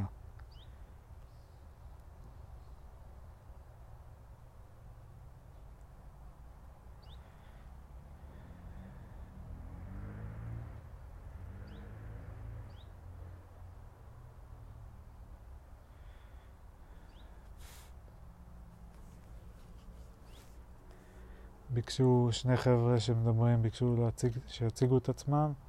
אחד בן 35.2, מתכנת, איש השוק החופשי ועם עמדות שנעות בין כהנא למרץ, תלוי באיזה נושא. שני, 50, רקע במשפטים, מימון, שוק הון ונפט וגז. בין 2010 ל-2019 היה סגן נשיא אה, ויועץ משפטי. אה, משא ומתן על הגז, הסכמי גז, אה, כיום מנכ"ל. חילוני, ליברל, מנסה לגבש עמדות באופן עצמאי. עוד מישהו מציג את עצמו, יועץ למנכ"לים והנהלות, שמאל אידיאולוגי, מרכז ביטחוני, דתי לשעבר, מבועת מהקצב שבו דברים זזים בכנסת לכיוון דיקטטורי מאז שנפגשנו שלשום. לא רק במישור המשפטי, גם במישור המשטרתי. מח"ש, חופש לשוטרים להיכנס לבתים בלי צווים. טוב, 28. אני רץ קדימה. הגעתי לפחות ליום חמישי. אה,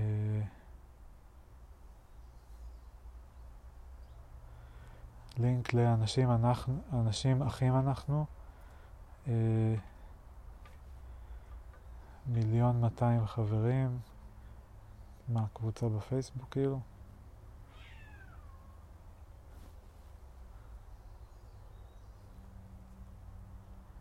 יש לזה 1400 לייקים, איזה מיליון 200?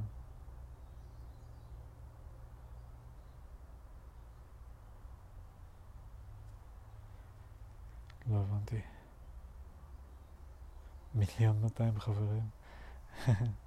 נראה לי התבלבלה. 1200 חברים. אה,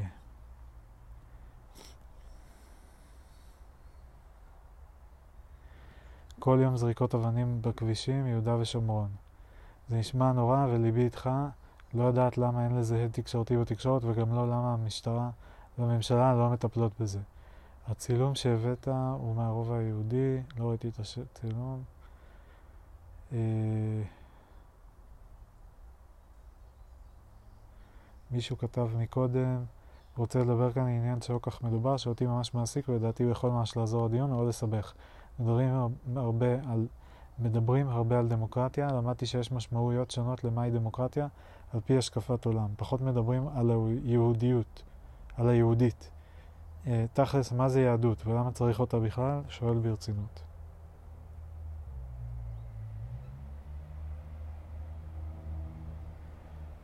איך עושים? הנה, אני אעשה סטאר פשוט לקוח, הודעות שהן מעניינות. אה, כן, ואולי באיזושהי הזדמנות יהיה לחזור אליהם. אה, שאלה חשובה, מה משמעות יהודית בהגדרה של מדינה? יהודים זה בדרך כלל הגדרה המיועדת לאנשים ולא למדינות. אם המדינה היא ישות יהודית כלשהי, מי יכול להחליט לאיזה זרם ומנהגים ביהדות היא שייכת?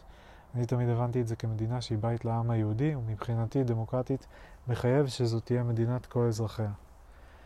מדינה לא יכולה להיות יהודית במובן הדתי, כי, לכל, כי להיות יהודי במובן הדתי זה עניין של בחירה אישית ושל מינונים. כמה דתי להיות, אילו מצוות לשמור, במה להאמין, על פי איזו פרשנות רבנית לנהוג.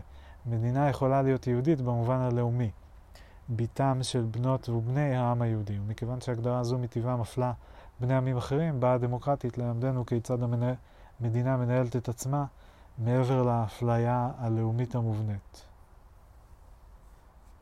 סתם ללמוד, יש יהודי טומטר, אני מניח תפילין, חגים, קידוש, נרות, אך נוסע בשבת. שומר כשרות, אך לא על מסעדות כשרות. זה יהודי או לא? זה אומר שאתה יכול בין היתר להעדיף... טוב, הגעתי לשתיים וחצי כבר. Uh, טוב, אני אקציב לעצמי עוד תשע דקות, עכשיו שתיים שלושים ואחד. זה אומר שאתה יכול בין היתר להעדיף הגירה יהודית באמצעות חוק השבות, לממן ביתר מוסדות מורשת ודת יהודים, למנות שר, תפוס, שר תפוצות ושר מורשת, לממן מערכות דתיות במועצות המקומיות ובאופן כללי לאפשר את אי הפרדת הדת והמדינה. מאפשר את הקיום הכלכלי של ש"ס ואגודת ישראל במסגרת תקציב המדינה. המדינה כיום מתנהלת על פי החגים היהודיים, חופשות בתי הספר ומקומות העבודה על פי לוח השנה העברי. ביום כיפור יש כבוד ליום המיוחד מצד כולם, גם לרחוק. שבת הוא יום המנוחה, בבתי הספר לומדים היסטוריה של העם היהודי, תנ"ך ומורשת יהודית. זה מבחינתי מדינה יהודית והיהדות היא של כולם, ואני מאוד אוהבת את זה. כשגרתי בחו"ל זה היה מוזר למשל, למשל שבערב ליל הסדר אה, הכל כרגיל. ולדעתי יש להפריד את ה... אה, דת מן המדינה, היא כתבה את הגתת, אבל אני לא יודע מה זה גתת, נראה לי אולי מתכוון דת.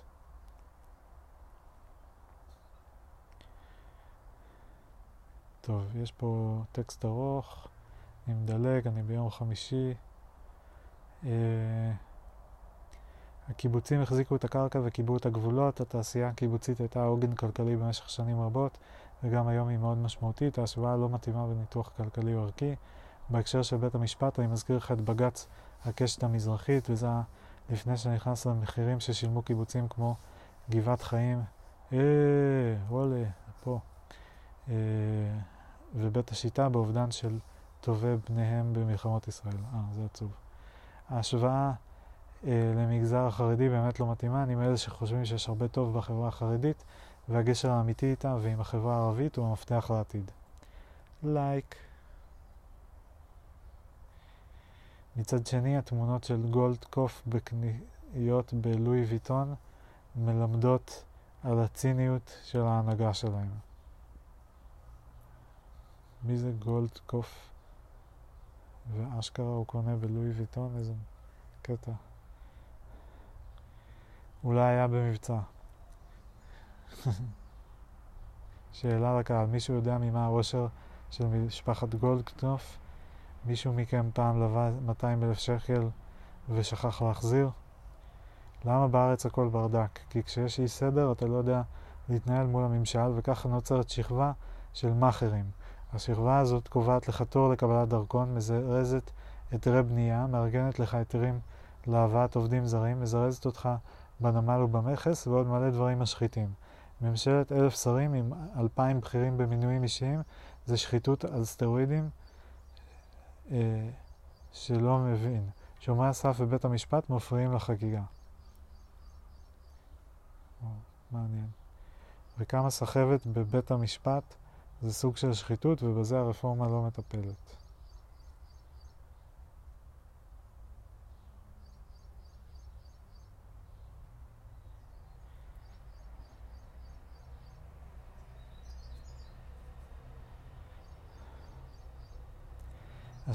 השאלה על היהדות לקחה אותנו לסחטנות ונטל כלכלי-חברתי של החברה החרדית.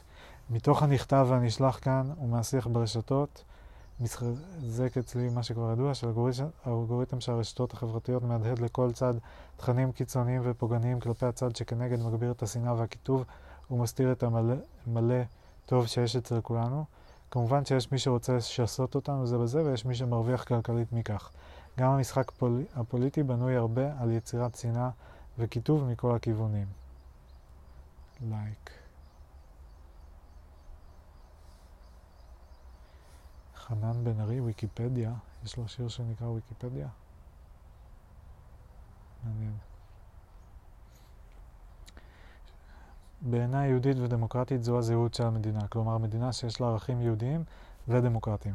כתבו כאן הרבה, ובצדק, על כך שיש ערכים דמוקרטיים מסוימים שאינם תלויים ברוב כזה או אחר, ואם הרוב יחליט לשלול זכות הצבעה מנשים, אז אנחנו מצפים מבג"ץ לפסול את ההחלטה הזאת.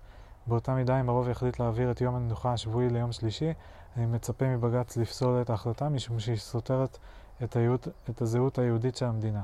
השאלה היא כמובן, מה לכלול בזהות היהודית של המדינה, בדיוק כפי שיש ויכוח על מה לכלול בזהות הדמוקרטית.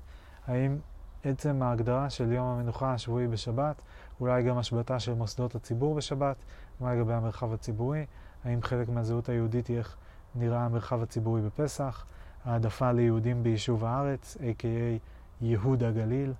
כל אלה שאלות שצריך לדון בהן, במיוחד שלא פעם יש סתירה בינן לבין זכויות הפרט. אבל קודם כל צריך להגיע להסכמה שיש דבר כזה בכלל, ערכים יהודיים. ושגם הם עומדים בבסיס המדינה לא פחות מאשר הערכים הדמוקרטיים. הבעיה אצל אהרן ברק, למשל, זה שמבחינתו אין דבר כזה ערכים יהודיים מצד עצמם.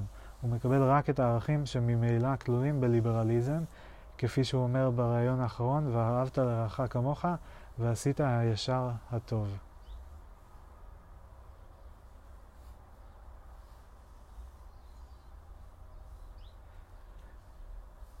זהות יהודית היא בעיקרה הגנה על הרוב היהודי באמצעות חוק השבות והטבות אחרות בלתי שוויוניות שניתנות לרוב היהודי. זה לא המשפט העברי וזה לא כפייה של אורח חיים דתי למי שאינו מעוניין בכך בחסות המדינה. המקרה הכי קל להמחשה זה נסיעה ביום כיפור. היום זה חלק מהזהות של המדינה מבלי חקיקה. ביום שזה יהפוך לחקיקה, אתה תהיה מדינה פחות דמוקרטית ופחות יהודית. כי הציבור הלא דתי יראה בזה כפייה.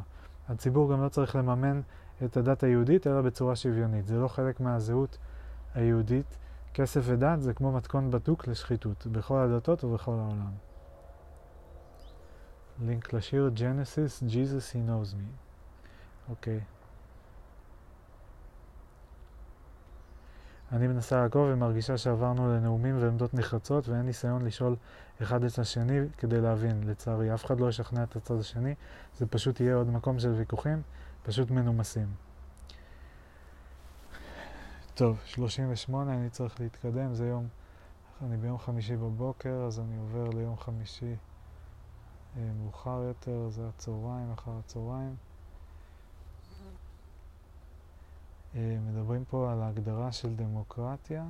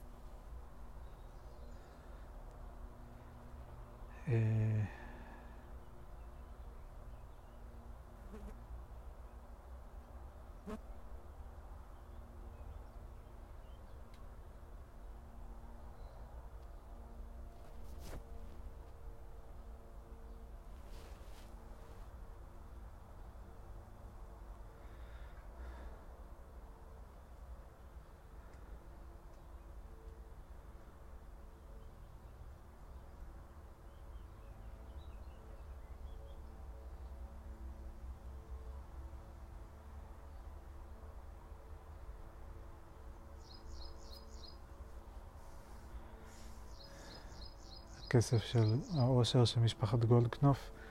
אני הבנתי שזה בעיקר מרשת הגנים שלהם. הייתה כתבה לפני מספר חודשים שסיפרה שגולדקנופ נתבע על ידי עובדות, גננות, מטפלות וסייעות ברשת גני הילדים שלו בגלל הלנת שכר והשיטה של פיטורי עובדות אחת לעשרה חודשים כדי להימנע מתשלומי חובה סוציאליים. הוא עונה, אני אוהב לכתוב קצר, העסק המשפחתי שלהם הוא לגזור קופון על כספים שמתקבלים מהמדינה. אוקיי.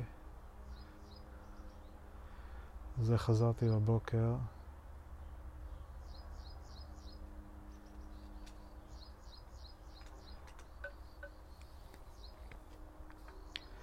לדעתי, כל פוליטיקאי שלא יקדם את חוק יסוד השפיטה במצב הקיים חוטא את תפקידו. הפוליטיקאים רוצים כוח.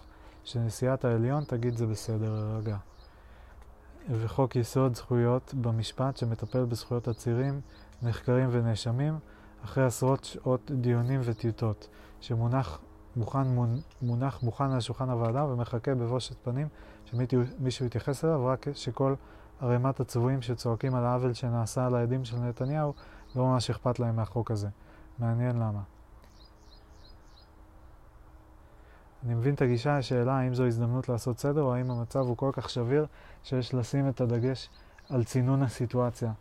במתווה הגז האסטרטגיה שלנו הייתה לשבור את הכלים וללכת להסדרה כוללת של כל הבעיות מול המדינה, אבל שם זה היה רק כסף.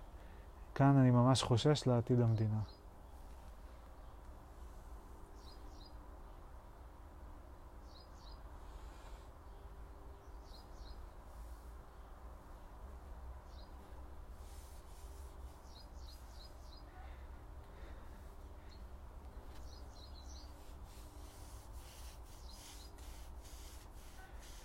יש פה אה, עדכון על שלושה ילדים, בני שנתיים, חמש ושש, נפצעו קל לאחר שפלסטינים רגמו באבנים את הרכב שבו נסעו בחווארה. האמא המשיכה בנסיעה לצומת תפוח, מד"א מטפלים בהם במקום. אה, חווארה, ציר נסיעה מרכזי בשומרון, מחבר את יישובי השומרון עם יישובי בנימין. מאוחר יותר בשבוע הזה יהיה את הפיגועים, את הפיגוע שרצחו את שני ה... האחים היהודים, ובעקבות זה את המהומות בחווארה והשריפות בעיירה חווארה, כפר, עיר. אה, אז זה foreshadowing עצוב.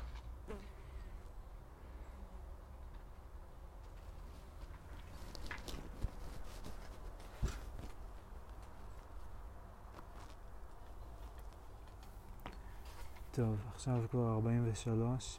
אני ביום חמישי ראיתי פה משהו שקשור להגדרה של דמוקרטיה, אז רציתי על זה. לנו אין תקשורת, מי יגן על הג'ינג'ים? לנו אין תקשורת מגויסת, לנו יש רק אתכם. כל האמת על הרפורמה לתיקון מערכת המשפט, קריאה מעיינה, שתפו בכל הכוח. טוב, יש הגדרה, יש אה, הקבה הגדרות בספרות לדמוקרטיה מודרנית, אבל אף אחת לא מצמצמת את המושג דמוקרטיה לשלטון שנבחר על ידי הרוב. במקרה של השיטה שלנו, זה אפילו, אפילו זה נתון למחלוקת. הנה דוגמה. Democracy is more than a set of constitutional rules and procedures that determine how a government functions.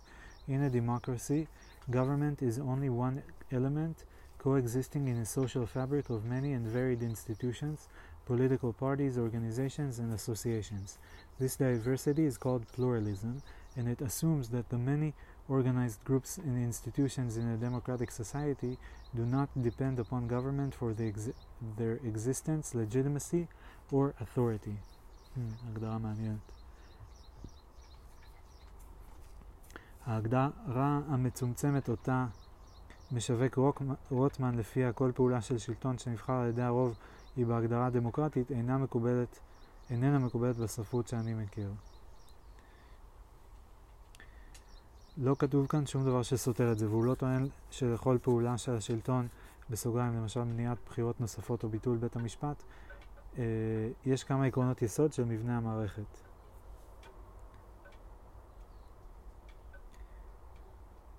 מעדיף את ז'בוטינסקי על רוטמן. המסורת שלנו אומרת, בראשית ברא אלוהים את היחיד.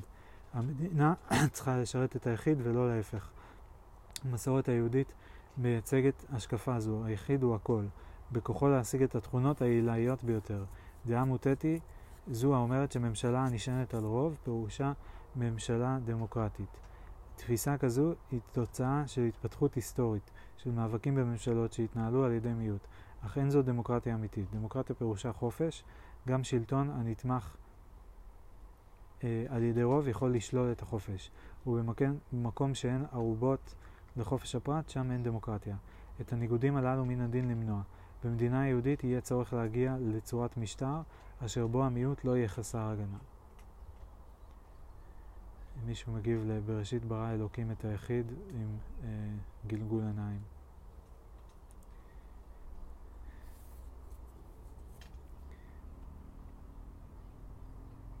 טוב, אני מדלג לסוף יום חמישי.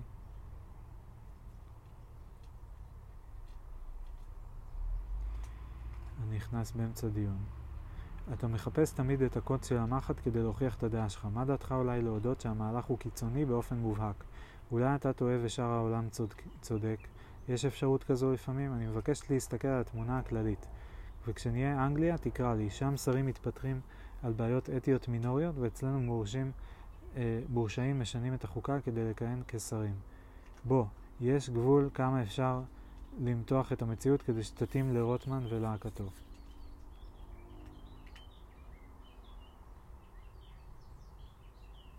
זה בתגובה לכך שכתב מישהו, שימו לב לכך שבבריטניה ובניו זילנד, שהשיטה בישראל דומה להן, אין לשופטים סמכות לפסול חוק כלל, אלא להכריז על אי התאמה בלבד. אוקיי, נמשיך לסוף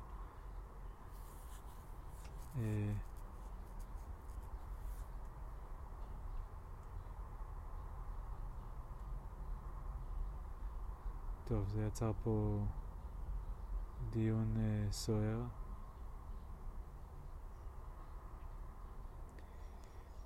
הוא אומר, הבאתי נימוק טוב, ואת טוענת שבגלל שבריטניה שמרנית, אם אני לא טועה זה הזיקוק של הטענה שלך, הוא לא תקף.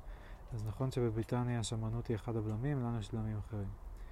אין עקביות בטענות כשמראים שאתם אומרים יוצרים סלט מהנתונים כדי שיתאימו לתיאוריה ולא להפך. אה, אתם גם תמשיכו להגיד שפיגועי ההתאבדות של האינתיפאדה השנייה הם תוצאה של אוסלו, ולא תצליחו להסביר למה הימין שימר חלקית את אוסלו מאז ועד היום. כל הסתירות הפנימיות נועדו כדי שתוכלו להרגיש שאתם מקופחים וצודקים וכל השאר פריבילגיים וטועים. אה, טוב, ויכוח סוער פה.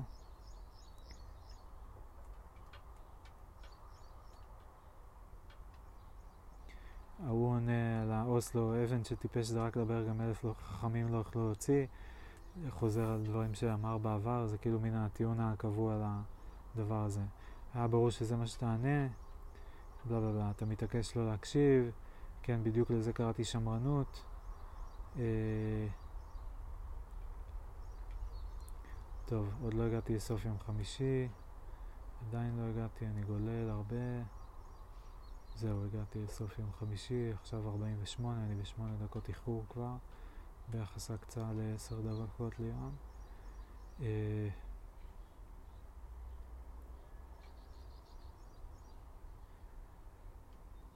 טוב, היום מסתיים ב...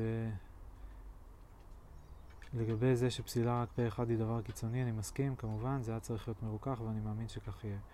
אה, זה נראה לך סביר ששופטים יוכלו לסלף פרוטוקולים, למשל בבית המשפט לענייני משפחה, אה, זה נעשה באופן קבוע. לא הבנתי, אם החוק הוא באמת כל כך קיצוני שנדרש לפסול אותו, למה שיש שופט שלא יפסול אותו? Uh, הבעיה היא עם כל הסיפור של הרפורמה הזו, שאף אחד לא מאמין שמה שעבר בקריאה ראשונה הוא הגיוני, סביר או ראוי. בתור הרגע הכי רציני שאני מכיר, זו התנהגות אידיוטית ולא אחראית. לא הבנתי. טוב, אני ממשיך יום שישי. אה,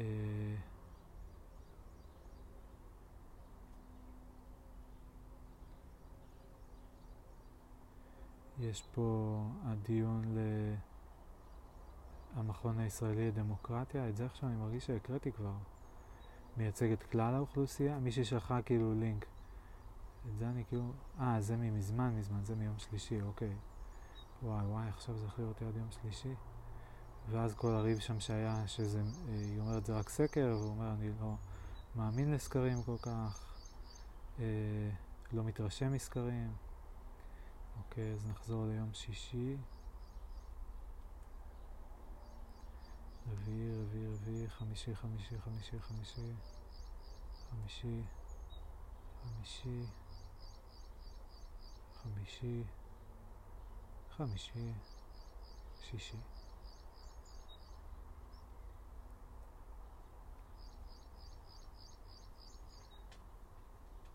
שישי, אוקיי.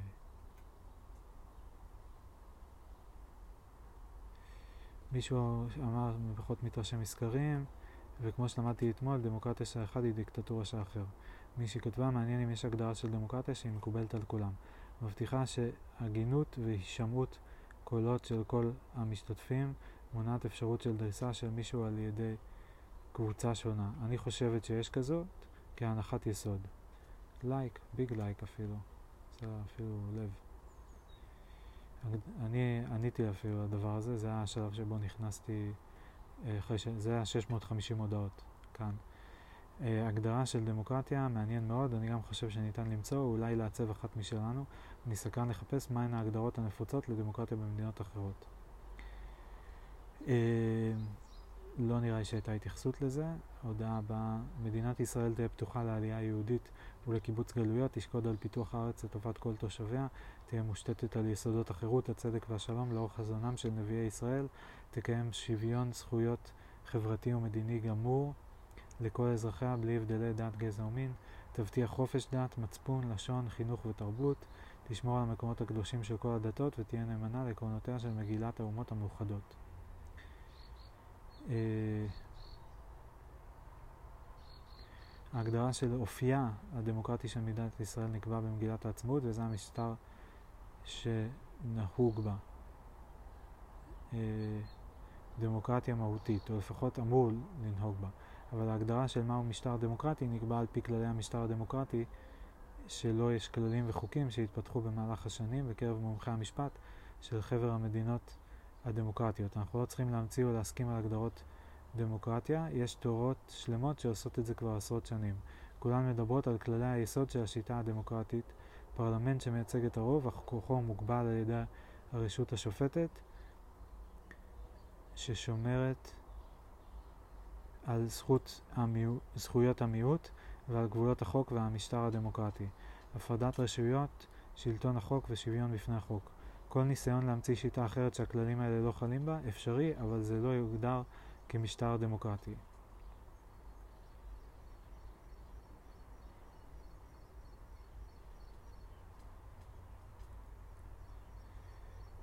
מעניין מאוד.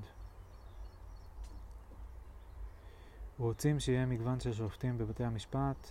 אגב, מי ידאג לתת הייצוג הקיצוני של שופטים ערבים מממשלת הימין הנוכחית? איך זה מבטיח לי כאזרחית שעלולה לעמוד בפני שופט מהקבוצה בעלת ההשקפה המנוגדת לשלי, שהמשפט שלו יהיה הגון ולא יהיה מוטה לרעתי. אני לא אוהב את דיון היתר בשאלת מגוון השופטים. להיות שופט זה בראש ובראשונה עבודה קשה שדורשת מומחיות בהכרת החוק ומוכנות להתמודד עם מערכת שמתפקדת בתת תנאים. 99.999% מהתיקים בבתי המשפט, בסוגריים כל הערכאות, הם סכסוכים בעלי אופי אזרחי או תיקים פליליים שהדבר הכי חשוב בהם זה הידע המקצועי והכישורים האישיים של השופט. בשביל זה יש הליכי מינוי השופטים. באופן תקין ורצוי לדעתי הרבה פחות, תיקים צריכים להגיע לבית המשפט העליון. כל תיק במחוזי אה, כמעט אה, יש זכות לערעור לעליון. אין שיטה מושלמת ואין שופטים מושלמים. מה שנעשה כרגע ברפורמה זה ב understatement לשפוך את התינוק עם המים. מעניין אותי, כאילו אם במקום לעשות מערכת משפטית היררכית, שיש מחוזי, שלום, עליון, כאילו אני לא זוכר את בדיוק השלבים, אה, היו עושים לפי קטגוריות, שכמו שהוא אמר, הוא אמר 99% זה סכסוכים בעלי אופי אזרחי או תיקים פליליים, אז הייתי אומר אולי בתי משפט שונים לשני הדברים האלה, אולי בית משפט מיוחד, שהוא רק עוסק בנושאים הממשלתיים והממשל, שהוא באמת צריך להיות מכל נציגי העם ושם הייצוג הוא באמת הכי חשוב.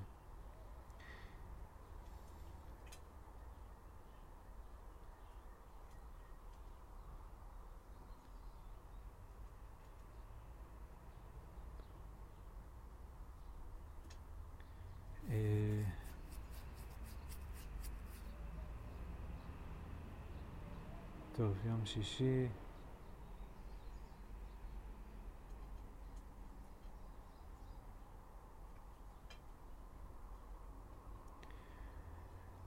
ציטוט של וילנר, ההבנה עמוקה של המשמעויות הכלכליות, ביטחוניות וחברתיות של החוק, וזה עוד בחוק שהוא במהותו לכאורה כלכלי, איפה הדיון כאן? מאיר וילנר, כנסת פונה לכנסת, אנחנו דנים הערב באחד החוקים החמורים ביותר שהממשלה הביאה לכנסת. חוק זה אומר שמדינת ישראל מוסרת לידי חברות מונופוליסטיות אמריקניות את הסיכויים הגדולים ביותר לעתידנו הכלכלי ולביסוס עצמאותנו הלאומית. אה, מיותר לחזור על מה שאמרנו בקריאה ראשונה, שחוק זה חובר באמריקה על ידי האמריקנים בשביל המיליונרים האמריקנים. החוק עומד בניגוד לריבונות מדינת ישראל, חוק הנפט האמריקני, אוקיי.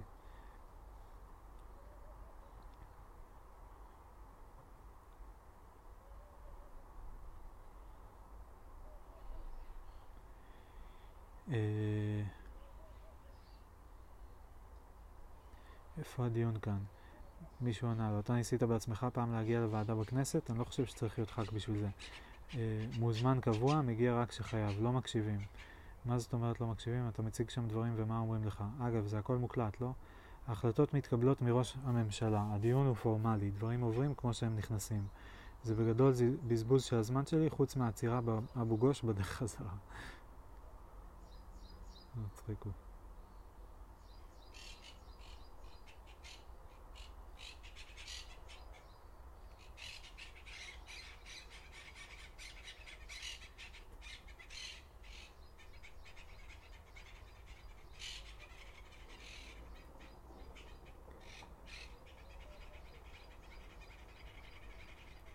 נראה לי פחות נשכנע כאן איש את רעהו, ובכלל יום שישי זה זמן להרגיע מתחים. מציע שרשור של מה מכינים לשבת. זה חמוד. והוא עשה אימוג'יז של דג, תרנגולת, פרה, סטייק, עוף ויין.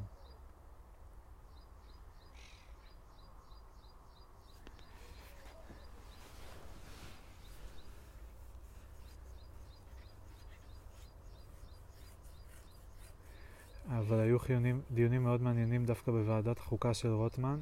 אני אישית נהניתי מכמה מהקטעים שם. אגב, אם יש לך קליפ שלך מציג משהו בוועדה ובאמת מתייחסים לזה בזלזול, אני אשמח לראות, גם נשמע מעניין. בעיקר לדעת מי הח"כים שלא הקשיבו כמו שצריך. פעמים אחרונות שהייתי ב... היה בקשר לתקנות של משרד האנרגיה בוועדת הכלכלה אצל מיכאל ביטון. עבר כמו שנכנס.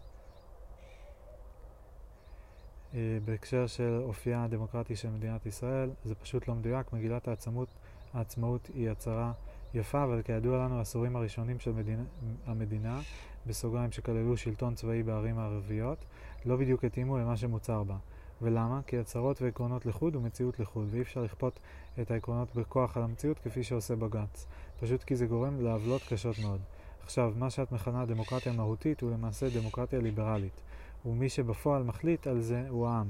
כיצד? באמצעות נבחריו בכנסת.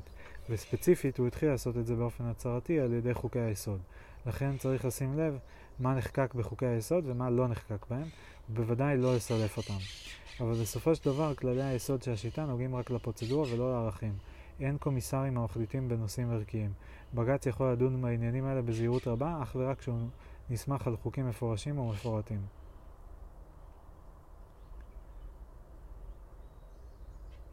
Like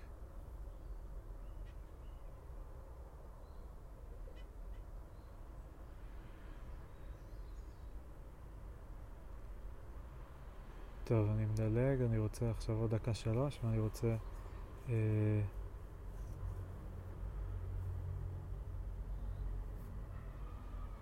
אה, לסיים את יום שישי, עכשיו אני ב-11 בבוקר.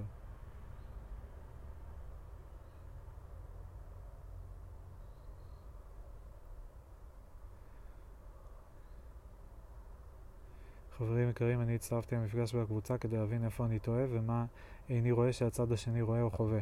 קיוויתי לפגוש אנשים נוספים שרוצים בכך, ואכן כך היה במפגש. לא היה לי קל, דעותיי, פחדיי וכאביי הפריעו לי להקשיב ולהכיל וגרמו לי מדי פעם להתפרץ, ובכל זאת למדתי מכם הרבה ודבריכם פתחו את ראשי ואת ליבי. מאז, הקריאה בדברים כאן, ובעיקר בטון וברוח הדברים, גורמת לי לצדד ולהתבצר בצד שלי, ולכעוס על הצד האחר. אין לי בקשה או הצעה, אני אומר תודה שאנחנו עדיין מדברים ומנסה להתעלם מההשתוקקות, להיות צודק ומנצח בכל דיון. זה הרבה יותר קשה בוואטסאפ מאשר פנים אל פנים. הייתי שמח לנסות ליצור דיאלוג קשוב יותר גם בוואטסאפ, מה דעתכם? לב.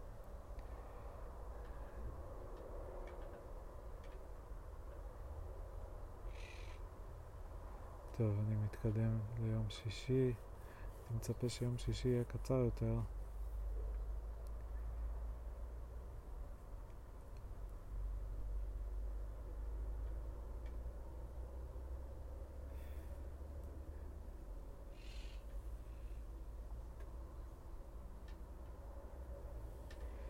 יש לי מחשבה שתהיה בלתי נעימה לחלק מהאנשים והיא בשורש העניין לדעתי. מדינת ישראל המבוססת על מרכז שמאל חיצוני ונשענת על ערכים ליברלית היא אפשרית וחזקה. מדינת ישראל על בסיס ימין סלש חרדים סלש מתנחלים? לא. תהפוך למדינה חדשה ומוקצה. אה, העברת הרפורמה במתכונתה כנגד השמאל מרכז תוביל לריאקציה חילונית, בסוגריים עם או בלי מפד"ל של פעם, או לסוף המדינה הציונית. המחנה הליברלי חילוני שמאלן הוא השכפ"ץ של ההתיישבות ביהודה ושומרון אל מול העולם. שזה יהיה רוטמן סמוטריץ', העולם יקפל את ישראל. שזה יהיה רוטמן סמוטריץ', גולדקנופ, בן גביר. ולהערכתי הדולר הפסיק לרדת ברביעי וחמישי בגלל התערבות מסיבית של בנק ישראל, היום המשיך לרדת, סתם ניחוש. באופן אישי אני כרגע על הגבול בין לרצות לנסות להביא פתרון לבין לרצות לתת לניסוי של ממשלת הימין, אה, להתנהל ללא כל הפרעה.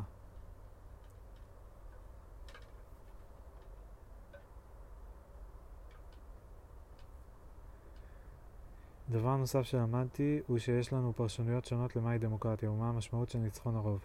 הבנתי שאנשים מסוימים בצד השני חושבים שדמוקרטיה אמורה לתת חופש מלא לרוב שניצח לממש את ניצחונו על ידי הוצאה לפועל של כל רצונותיו.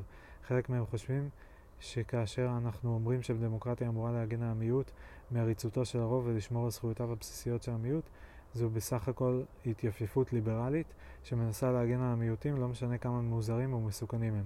הם משוכנעים שכשאנחנו רוצים שבית המשפט יגן על המיעוטים, אנחנו בעצם רוצים לתת לו כוח להמשיך להשליט בארץ הליברלי, את הליברליות שלנו ולמנוע מהרוב הימני המנצח לממש את רצונותיו הלגיטימיים.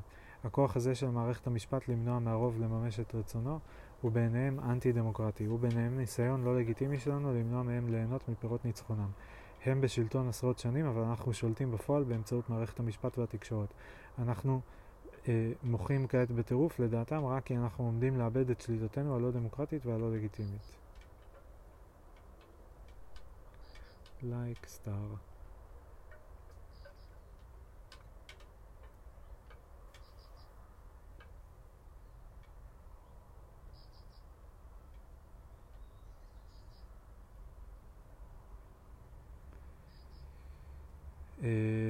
שמח ששמת את הדברים על השולחן. מכיוון שאנחנו בעניין של שיתוף, אני רוצה לשקף לך כמה זה נשמע פטרוני ומתנשא. אם השקל ימשיך להיחלש, אה,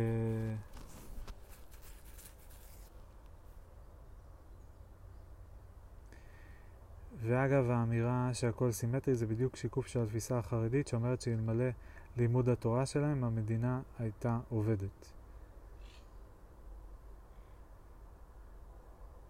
אני לא יכול לשלול את האמירה שלהם, כי אולי יש אלוהים, אבל כאדם חילוני אין לי הרבה מה לעשות איתה. ואני מניח שהרבה יהודים מאמינים גם לא שותפים לדוקטרינת היהדות החרדית, שהיא להזכיר, להזכיר לכולם בבסיסה ממש לא ציונית וממש לא מתחברת להחלת הריבונות בכל חלקי הארץ. הכל סימטרי מבחינת מרכיבים אנושיים, דעות, קללות, אמירות ואלימות מילולית וקיצוניות, אבל הכל לא סימטרי מבחינת מציאות יומיומית. מספיק לראות את התפלגות העשירונים של מדינת ישראל או את בתי הקברות הצבאיים כדי להבין שלא הכל סימטרי במציאות. אני יכול להמשיך את המשחק הזה, נגיד להסתכל על ההתפלגות בארגוני החסד. יד שרה, עזר מציון, מחלקי האוכל בבתי החולים, החולים תורמי הכליה, אבל אני לא רוצה. בעיניי זה היופי בעם ישראל, אנחנו כמו גוף אחד עם הרבה איברים שכל אחד אחראי על משהו אחר.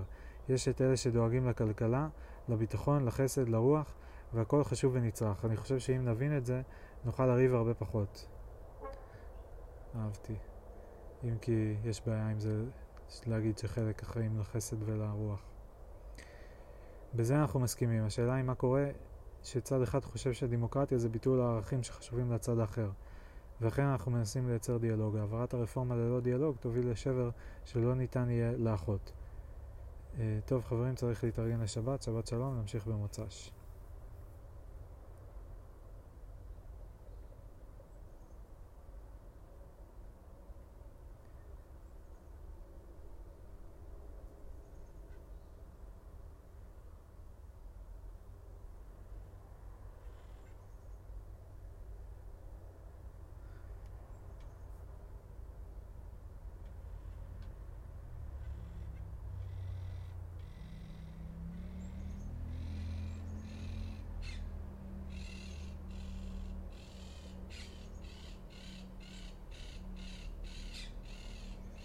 אוקיי, עוד התכתבויות.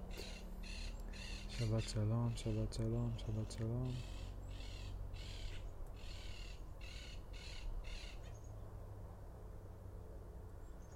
זהו, והגענו לשבת, ופה אני אעצור הפעם ונמשיך אולי מחר.